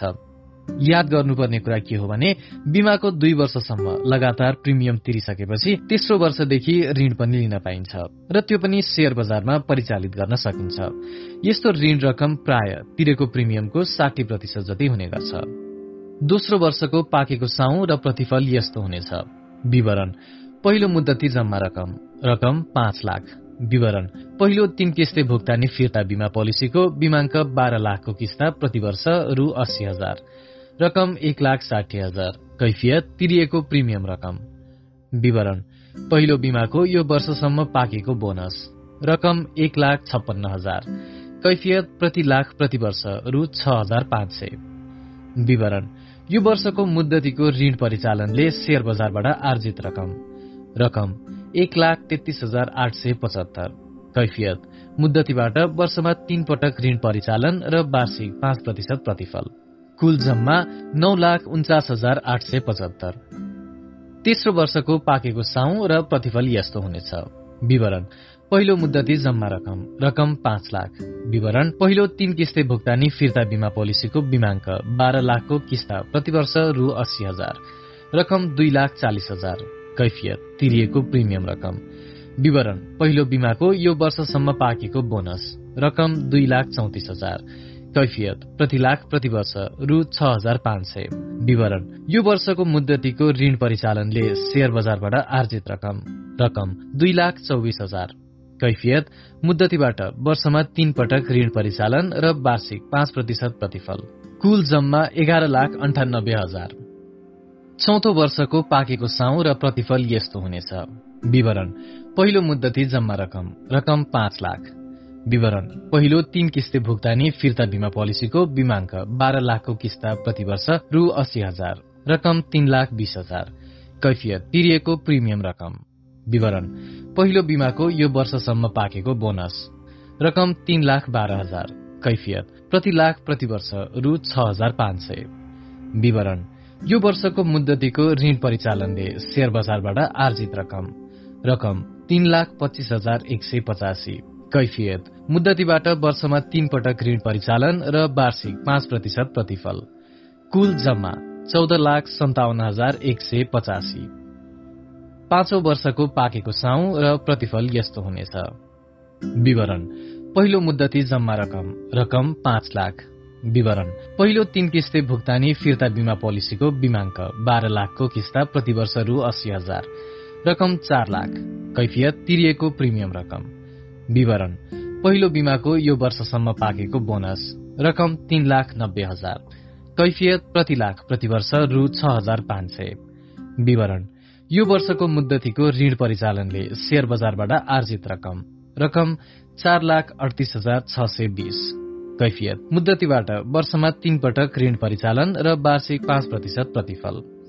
कुल जम्मा सत्र लाख अठाइस हजार छ सय बीस। छैठौंदेखि दशौं वर्षसम्म गरिने कामहरू। छैठौं वर्षको शुरूमा पहिलो बिमाको पहिलो किस्ता बिमाङ्कको पच्चीस प्रतिशत अर्थात रु तीन लाख फिर्ता प्राप्त हुनेछ। हाम्रो योजना अनुसार त्यो रकम पुनः बाह्र प्रतिशत ब्याज दरमै यहाँ ब्याज दर घटेर बाह्र प्रतिशत मात्र पाउने अनुमान गरिएको छ। अर्को मुद्दती खाता खोल्नुपर्नेछ। अनि त्यो मुद्दतीको प्राप्त हुने ब्याजले दश वर्षको अर्को सावधिक बिमा पोलिसी लिनुपर्ने हुन्छ। यी वर्षहरूमा पनि गर्नुपर्ने कामहरू अघिल्ला वर्षहरू जस्तै हुन्। लगानी रकम बढ्दै गएकाले अब परिचालन रकम पनि बढ्दै गएको हुन्छ। त्यसैले कारोबार गर्दा बढ़ी सावधानी अप्नाउनु चाहिँ जरुरी हुन्छ। ठूलो रकमको शेयर बजारमा कारोबार गर्दा थप विचार र विश्लेषण गर्नु पनि जरुरी हुन्छ। हुन त यति बेलासम्म लगानीकर्ताहरूलाई योजनाको बारेमा थुप्रै जानकारी अनुभव भइसकेकाले अभ्यस्त भएका हुन्छन् तर सम्हाल्न सकेसम्मको जोखिम लिने र परिपक्व चिन्तन र व्यवहार लगानीको क्षेत्रमा जहिले पनि महत्वपूर्ण रहन्छ। दोस्रो बिमाको प्रिमियम पनि दुई वर्ष बुझाएपछि अर्थात योजनाको आठौं वर्षदेखि त्यसको पनि ऋण पाउन सकिन्छ र परिचालन गर्न सकिन्छ। यसरी काम बढ्दै गएकोले थप केही दिन काम गर्नुपर्ने हुन सक्छ। छैटौं वर्षको पाकेको साउ र प्रतिफल यस्तो हुनेछ। विवरण पहिलो मुद्दती जम्मा रकम रकम पाँच लाख। विवरण पहिलो बिमाबाट फिर्ता आएको रकमबाट दोस्रो मुद्दती रकम तीन लाख। विवरण पहिलो तीन किस्ते भुक्तानी फिर्ता बिमा पोलिसीको बिमाङ्क बाह्र लाखको किस्ता प्रतिवर्ष रु अस्सी हजार। पहिलो किस्ता फिर्ता कटाएर रकम एक लाख अस्सी हजार। कैफियत तिरिएको प्रिमियम रकम। विवरण दोस्रो बिमा पोलिसीको बिमाङ्क तीन लाख साठी हजारको किस्ता प्रतिवर्ष रु छत्तीस हजार। रकम छत्तीस हजार। विवरण पहिलो बिमाको यो वर्षसम्म पाकेको बोनस। रकम चार लाख अडसठी हजार। कैफियत। प्रति लाख प्रति वर्ष रु छ हजार पाँच सय। विवरण दोस्रो बिमाको यो वर्षसम्मको पाकेको बोनस। रकम उन्नाइस हजार। विवरण यो वर्षको मुद्दतीको ऋण परिचालनले शेयर बजारबाट आर्जित रकम। रकम पाँच लाख उनसत्तरी हजार आठ सय पैंतिस। कैफियत मुद्दतीबाट वर्षमा तीन पटक ऋण परिचालन र वार्षिक पाँच प्रतिशत प्रतिफल। कुल जम्मा बीस लाख बहत्तर हजार आठ सय पैंतिस। सातौं वर्षको पाकेको साउ र प्रतिफल यस्तो हुनेछ। विवरण पहिलो मुद्दती जम्मा रकम रकम पाँच लाख। विवरण पहिलो बिमाबाट फिर्ता आएको रकमबाट दोस्रो मुद्दती रकम तीन लाख। विवरण पहिलो तीन किस्ती भुक्तानी फिर्ता बिमा पोलिसीको बिमाङ्क बाह्र लाखको किस्ता प्रति वर्ष रु अस्सी हजार। पहिलो किस्ता फिर्ता कटाएर रकम दुई लाख साठी हजार। कैफियत तिरिएको प्रिमियम रकम। विवरण दोस्रो बिमा पोलिसीको बिमाङ्क तीन लाख साठी हजारको किस्ता प्रति वर्ष रु छत्तीस हजार रकम बहत्तर हजार। विवरण पहिलो बिमाको यो वर्षसम्म पाकेको बोनस रकम पाँच लाख छयालिस हजार कैफियत प्रति लाख प्रति वर्ष रु छ हजार पाँच सय। विवरण दोस्रो बिमाको यो वर्षसम्मको पाकेको बोनस रकम उन्चालिस हजार। विवरण यो वर्षको मुद्दतीको ऋण परिचालनले शेयर बजारबाट आर्जित रकम। रकम सात लाख बाह्र हजार सात सय चालिस। कैफियत मुद्दतीबाट। वर्षमा तीन पटक ऋण परिचालन र वार्षिक पाँच प्रतिशत प्रतिफल। कुल जम्मा चौबिस लाख उन्तिस हजार सात सय चालिस। आठौं वर्षको पाकेको साउ र प्रतिफल यस्तो हुनेछ। विवरण पहिलो मुद्दती जम्मा रकम। रकम पाँच लाख। विवरण पहिलो बिमाबाट फिर्ता आएको रकमबाट दोस्रो मुद्दती। रकम तीन लाख। विवरण। पहिलो तीन किस्ते भुक्तानी फिर्ता बिमा पोलिसीको बिमाङ्क बाह्र लाखको किस्ता प्रति वर्ष रु अस्सी हजार। पहिलो किस्ता फिर्ता कटाएर रकम तीन लाख चालिस हजार। कैफियत तिरिएको प्रिमियम रकम। विवरण दोस्रो बिमा पोलिसीको बिमाङ्क तीन लाख साठी हजारको किस्ता प्रतिवर्ष रु छत्तीस हजार। रकम एक लाख आठ हजार। विवरण पहिलो बिमाको यो वर्षसम्म पाकेको बोनस। रकम छ लाख चौबिस हजार। कैफियत। प्रति लाख प्रति वर्ष रु छ हजार पाँच सय। विवरण। दोस्रो बिमाको यो वर्षसम्मको पाकेको बोनस। रकम अन्ठाउन्न हजार पाँच सय। विवरण। यो वर्षको मुद्दतीको ऋण परिचालनले शेयर बजारबाट आर्जित रकम। रकम आठ लाख चौहत्तर हजार तीन सय पच्चीस। कैफियत। मुद्दतीबाट वर्षमा तीन पटक ऋण परिचालन र वार्षिक पाँच प्रतिशत प्रतिफल। कुल जम्मा अठाइस लाख चार हजार आठ सय पचासी। नौ वर्षको पाकेको साउ र प्रतिफल यस्तो हुनेछ। विवरण पहिलो मुद्दती जम्मा रकम रकम पाँच लाख। विवरण पहिलो बिमाबाट फिर्ता आएको रकमबाट दोस्रो मुद्दती रकम तीन लाख। विवरण पहिलो तीन किस्ते भुक्तानी फिर्ता बिमा पोलिसीको बिमाङ्क बाह्र लाखको किस्ता प्रति वर्ष रु अस्सी हजार। पहिलो किस्ता फिर्ता कटाएर रकम चार लाख बीस हजार। कैफियत तिरिएको प्रिमियम रकम। विवरण दोस्रो बिमा पोलिसीको बिमाङ्क। तीन लाख साठी हजारको किस्ता प्रति वर्ष रु छत्तीस हजार। रकम एक लाख चौवालिस हजार। विवरण पहिलो बिमाको यो वर्षसम्म पाकेको बोनस। रकम सात लाख बीस हजार। कैफियत प्रति लाख प्रति वर्ष रु छ हजार पाँच सय। विवरण दोस्रो बिमाको यो वर्षसम्मको पाकेको बोनस। रकम अठहत्तर हजार। विवरण यो वर्षको मुद्दती ऋण परिचालनले शेयर बजारबाट आर्जित रकम। रकम दस लाख बाहन्न हजार आठ सय पैंतिस। कैफियत। मुद्दतीबाट वर्षमा तीन पटक ऋण परिचालन र वार्षिक पाँच प्रतिशत प्रतिफल। कुल जम्मा एकतीस लाख छयानब्बे हजार आठ सय पैंतिस। दशौं वर्षको पाकेको साउ र प्रतिफल यस्तो हुनेछ। विवरण। पहिलो मुद्दती जम्मा रकम। रकम पाँच लाख। विवरण। पहिलो बिमाबाट फिर्ता आएको रकमबाट दोस्रो मुद्दती। रकम तीन लाख। विवरण। पहिलो तीन किस्ते भुक्तानी फिर्ता बिमा पोलिसीको बिमाङ्क बाह्र लाखको किस्ता प्रति वर्ष अस्सी हजार। पहिलो किस्ता फिर्ता कटाएर रकम पाँच लाख। कैफियत तिरिएको प्रिमियम रकम। विवरण दोस्रो बिमा पोलिसीको बिमाङ्क तीन लाख साठी हजारको किस्ता प्रति वर्ष रु छत्तीस हजार। रकम एक लाख अस्सी हजार। विवरण पहिलो बिमाको यो वर्षसम्म पाकेको बोनस। रकम सात लाख अस्सी हजार। कैफियत प्रति लाख प्रति वर्ष रु छ हजार पाँच सय। विवरण। दोस्रो बिमाको यो वर्षसम्म पाकेको बोनस। रकम सन्तानब्बे हजार पाँच सय। विवरण। यो वर्षको मुद्दतीको ऋण परिचालनले शेयर बजारबाट आर्जित रकम। रकम बाह्र लाख छयालिस हजार आठ सय अन्ठानब्बे। कैफियत। मुद्दतीबाट वर्षमा तीन पटक ऋण परिचालन र वार्षिक पाँच प्रतिशत प्रतिफल। कुल जम्मा छत्तीस लाख छ हजार तीन सय उनानब्बे। एघारौंदेखि पन्ध्र वर्षसम्म गरिने कामहरू। यी वर्षहरूमा गरिने कामहरू पनि छैठौंदेखि दशौं वर्षसम्म गरिने कामहरू सरह नै हुनेछन्। एघारौं वर्षको शुरूमा पहिलो तीन किस्ती फिर्ता भुक्तानी बिमा योजनाको दोस्रो फिर्ता अर्थात रु तीन लाख पुनः प्राप्त हुनेछ। यसलाई पनि पुनः मुद्दती पसतमा राख्नुपर्नेछ। यो मुद्दतीमा पनि वार्षिक बाह्र प्रतिशत प्रतिफल प्राप्त हुने मान्यता राखिएको छ। यसबाट प्राप्त हुने वार्षिक रु छत्तीस हजारको प्रिमियम तिरिने गरी पाँच वर्षको तेस्रो सावधिक बीमा पोलिसी लिनुपर्नेछ। एघारौंदेखि पन्ध्र वर्षसम्म थप एउटा बिमाको पनि मुद्दतीबाट ब्याज संकलन गर्ने र प्रिमियम पनि बुझाउने कामको लागि थप दुई दिन काम गर्नुपर्ने हुन्छ। ठूलो रकममा काम गर्नुपर्ने हुनाले जोखिमको उचित आकलन गरेर काम गर्न जरुरी हुन्छ। एघारौं वर्षको पाकेको साउ र प्रतिफल यस्तो हुनेछ। विवरण पहिलो मुद्दती जम्मा रकम रकम पाँच लाख। विवरण पहिलो बिमाबाट फिर्ता आएको रकमबाट दोस्रो मुद्दती रकम तीन लाख। विवरण पहिलो बिमाबाट फिर्ता आएको रकमबाट तेस्रो मुद्दती रकम तीन लाख। विवरण। पहिलो तीन किस्ते भुक्तानी फिर्ता बिमा पोलिसीको बिमाङ्क बाह्र लाखको किस्ता प्रति वर्ष रु अस्सी हजार। पहिलो र दोस्रो किस्ता फिर्ता घटाएर रकम दुई लाख अस्सी हजार। कैफियत तिरिएको प्रिमियम रकम। विवरण। दोस्रो बिमा पोलिसीको बिमाङ्क तीन लाख साठी हजारको किस्ता प्रति वर्ष रु छत्तीस हजार। रकम दुई लाख सोह्र हजार। विवरण। तेस्रो बिमा पोलिसीको बिमाङ्क तीन लाख साठी हजारको किस्ता। प्रति वर्ष रु छत्तीस हजार। रकम छत्तीस हजार। विवरण। पहिलो बिमाको यो वर्षसम्म पाकेको बोनस। आठ लाख अन्ठाउन्न हजार। कैफियत। प्रति लाख प्रति वर्ष रु छ हजार पाँच सय। विवरण। दोस्रो बिमाको यो वर्षसम्मको पाकेको बोनस। रकम। एक लाख सत्र हजार। विवरण। तेस्रो बिमाको यो वर्षसम्म पाकेको बोनस। रकम। उन्नाइस हजार पाँच सय। विवरण। यो वर्षको मुद्दतीको ऋण परिचालनले शेयर बजारबाट आर्जित रकम रकम चौध लाख एकसठी हजार सात सय बयासी कैफियत। मुद्दतीबाट वर्षमा तीन पटक ऋण परिचालन र वार्षिक पाँच प्रतिशत प्रतिफल। कुल जम्मा चालिस लाख अठासी हजार दुई सय बयासी।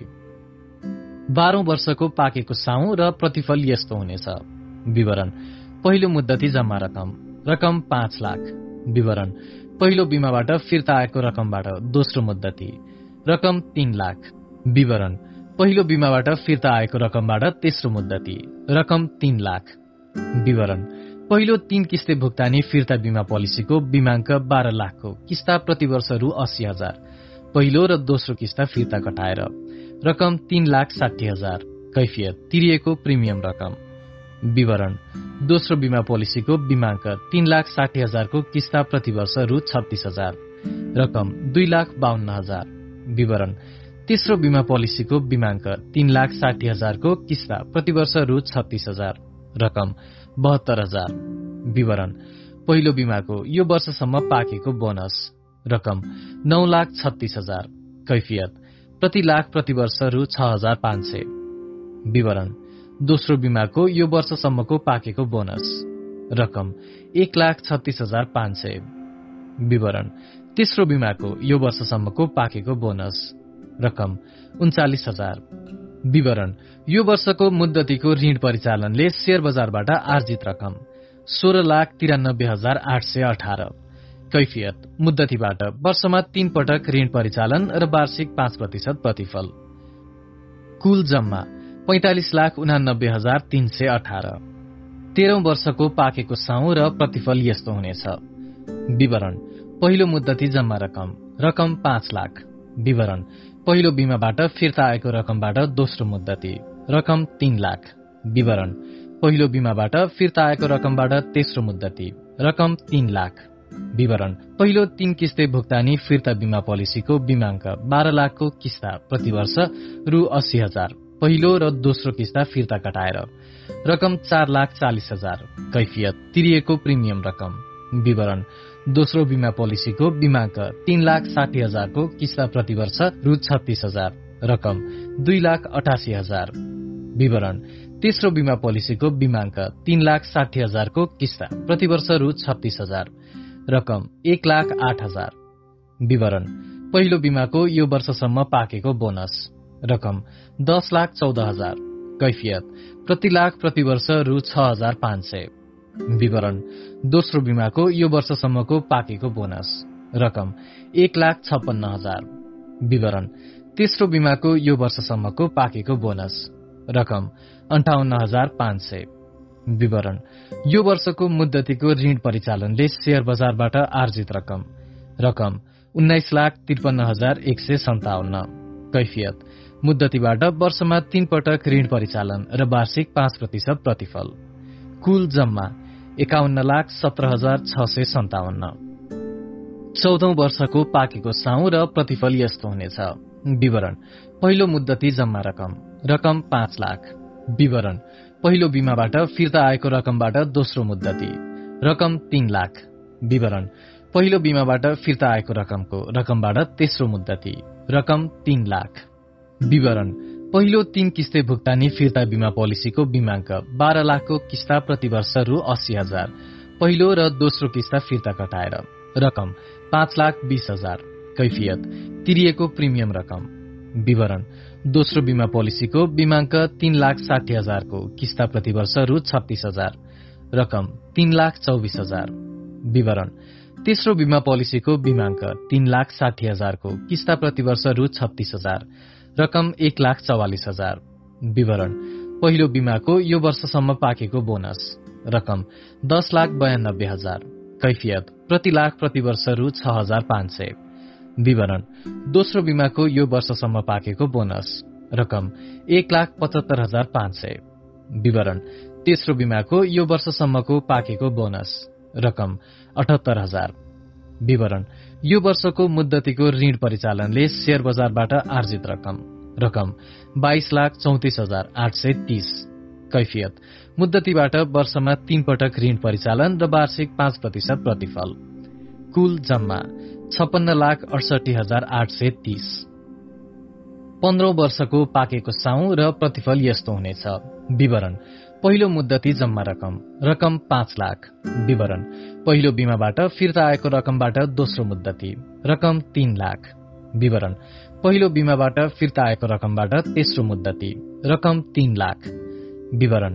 पहिलो तीन किस्ते भुक्तानी फिर्ता बिमा पोलिसीको बिमाङ्क। बाह्र लाखको किस्ता प्रतिवर्ष रु अस्सी हजार। पहिलो र दोस्रो किस्ता फिर्ता कटाएर। रकम छ लाख। कैफियत। तिरिएको प्रिमियम रकम। विवरण। दोस्रो बिमा पोलिसीको बिमाङ्क तीन लाख साठी हजारको किस्ता प्रतिवर्ष छत्तीस हजार। रकम तीन लाख साठी हजार। विवरण तेस्रो बिमा पोलिसीको बिमाङ्क तीन लाख साठी हजारको किस्ता प्रतिवर्ष रु छत्तीस हजार। रकम एक लाख अस्सी हजार। विवरण पहिलो बिमाको यो वर्षसम्म पाकेको बोनस। रकम एघार लाख सत्तरी हजार। कैफियत प्रति लाख प्रति वर्ष रु छ हजार पाँच सय। विवरण। दोस्रो बिमाको यो वर्षसम्मको पाकेको बोनस रकम एक लाख पञ्चानब्बे हजार। विवरण। तेस्रो बिमाको यो वर्षसम्मको पाकेको बोनस सन्तानब्बे हजार पाँच सय। विवरण। यो वर्षको मुद्दतीको ऋण परिचालनले शेयर बजारबाट आर्जित रकम। रकम पच्चिस लाख अडतिस हजार पाँच सय त्रिपन्न। कैफियत। मुद्दतीबाट वर्षमा तीन पटक ऋण परिचालन र वार्षिक पाँच प्रतिशत प्रतिफल। कुल जम्मा बैसठी लाख एकचालिस हजार त्रिपन्न। प्रतिफल मूल्याङ्कन र सारांश। लगानी पहिलो मुद्दतीमा पाँच लाख। पहिलो बिमाको पहिलो प्रिमियममा लगानी अस्सी हजार। दोस्रो बिमाको पहिलो प्रिमियममा लगानी छत्तीस हजार। तेस्रो बिमाको पहिलो प्रिमियममा लगानी छत्तीस हजार। कुल लगानी छ लाख बाहन्न हजार। पन्ध्र वर्षपछि हातमा परेको रकम बैसठी लाख एकचालिस हजार त्रिपन्न। पन्ध्र वर्षपछि पाएको नाफा लगानी कटाएर पचपन्न लाख उनानब्बे हजार त्रिपन्न। कुल प्रतिफल प्रतिशत आठ सय सन्ताउन्न दशमलव दुई एक। वार्षिक औसत प्रतिफल प्रतिशत सन्ताउन्न दशमलव एक पाँच प्रतिशत। पन्ध्र। तपाईँलाई अग्रिम शुभकामना। यो पुस्तकको विषयवस्तु व्यावहारिक रूपमा अलि जटिल नै छ। सैद्धान्तिक रूपमा यो पुस्तक सुनेर केही न केही त अवश्य बुझ्नुभयो नै होला भन्ने आशा छ। नबुझेका कुराहरू पुस्तक दोहोऱ्याएर सुन्दा पनि थप बुझ्न मद्दत मिल्ला। कतिपय हिसाब किताबका कुराहरू पनि छन् जुन एकपटक सरसर्ती मात्रै सुन्दा कता कता जेलिए जस्तो पनि लाग्न सक्ला। त्यसलाई स्वाभाविक भन्छु म। कहिलेकाहीँ उल्झन हुनु पनि थप अध्ययनको लागि राम्रो मानिन्छ। कहिलेकाहीँ लेखाजोखा गरिएका हिसाब किताब खास गरी ठूलो प्रतिफल देखेर अपत्यारको जिब्रो टोकाई देखाउने साथीहरू पनि भेटेको छु। तर लगानीको चक्र वृद्धिको प्रतिफल भनेकै त्यही हो। सामान्य भन्दा बढ़ी प्रतिफलको लागि नै हो हाइब्रिड प्रक्रिया चाहिने।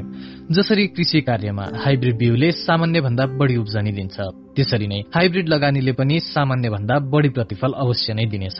त्यसैले त बचत बिमा र शेयर बजारको उपकरणहरू अर्थात सम्मिश्रण अर्थात हाइब्रिड गरिएको हो। यो योजनामा विश्वास पलाएका तर व्यावहारिक रूपमा अघि बढ्न थप सहयोग चाहिएको महसुस गर्नुहुने साथीहरूलाई खुसीको खबर छ। यो योजनाको बारेमा व्यावहारिक थप जानकारी दिने तथा पूर्ण विश्वासका साथ लगानी गर्न सिकाउने तीन दिने तालिम कार्यक्रम पनि मैले सञ्चालन गर्दै आएको छु। जिज्ञासा भएमा जम्बो प्रतिफल योजना तालिम वा हाइब्रिड लगानी तालिम जस्ता शब्दहरूका साथ कम्प्युटरमा मिस गुगललाई सोध्नु भएमा तिनले थप जानकारीहरू पक्कै दिनेछिन्। जम्बो प्रतिफल योजनाको नामले बौद्धिक सम्पत्तिको दर्ता गरिने पनि तर्खर हुँदैछ। नेपाली आर्थिक जगतको अनलाइन मिडियामा राम्रै चिनिएको अनलाइनले पनि यो तालिमको आयोजनाको शुरूआत गरेको छ। अनलाइनको ठ्याक्कै नाम मैले लिन चाहिन। इच्छा हुनेले उपाय निकाल्छ। आ गर्दा अलंकार बुझिहाल्छ। व्यक्तिगत आर्थिक स्वतन्त्रताको महत्व बिस्तारै बुझ्दै गएपछि आर्थिक रूपमा व्यक्तिहरू चलायमान हुन थाल्छन्। यो चलायमानता कुनै निरपेक्ष रूपमा हुने होइन। यसको सामाजिक आर्थिक पाटो रहन्छ नै अर्को शब्दमा यसले व्यक्तिहरूबाट शुरू भएको प्रयासको घेरो नागेर सामाजिक आकार लिनेछ। त्यसपछि त्यसको सामाजिक महत्ताको बखान गरिरहनै परोइन। व्यक्तिगत सोचका साथ काम गर्ने तर नारा चाहिँ सामाजिक फाइदाको दिइराख्ने प्रवृत्ति भन्दा इमान्दारीका साथ व्यक्तिगत फाइदाकै लागि काम गरौं। सामाजिक फाइदाका पक्षहरू बिस्तारै आफै सतहमा देखिँदै जानेछन्। कुरा यति नै हुन्। किताबी ज्ञान यति हासिल भएपछि अब व्यवहारिक प्रयोग गर्ने काम यहाँहरूको हो। लगानीको क्षेत्रमा यहाँहरूले गर्ने थुप्रै कामहरूमध्ये यो योजना पनि एउटा हुन सक्छ। लगानीको क्षेत्रमा काम गर्दै र सिक्दै जाने हो। सिकेर कहिल्यै सकिँदैन। हरेकपल्ट आफूलाई परिष्कार गर्ने काम निरन्तर जारी राख्नुपर्छ। जीवनमा सबैभन्दा ठूलो कुरा सन्तोष हो। सन्तोष प्राप्तिको लागि स्वतन्त्रता जरुरी छ। अझ व्यक्तिगत आर्थिक स्वतन्त्रता झनै जरुरी छ। सानै रकमबाट भए पनि लगानी शुरू गर्नुहोस् सिक्दै जानुहोस् लगानीमा प्रतिफल बढाउँदै जानुहोस्। यहाँहरूलाई अग्रिम शुभकामना। अस्तु।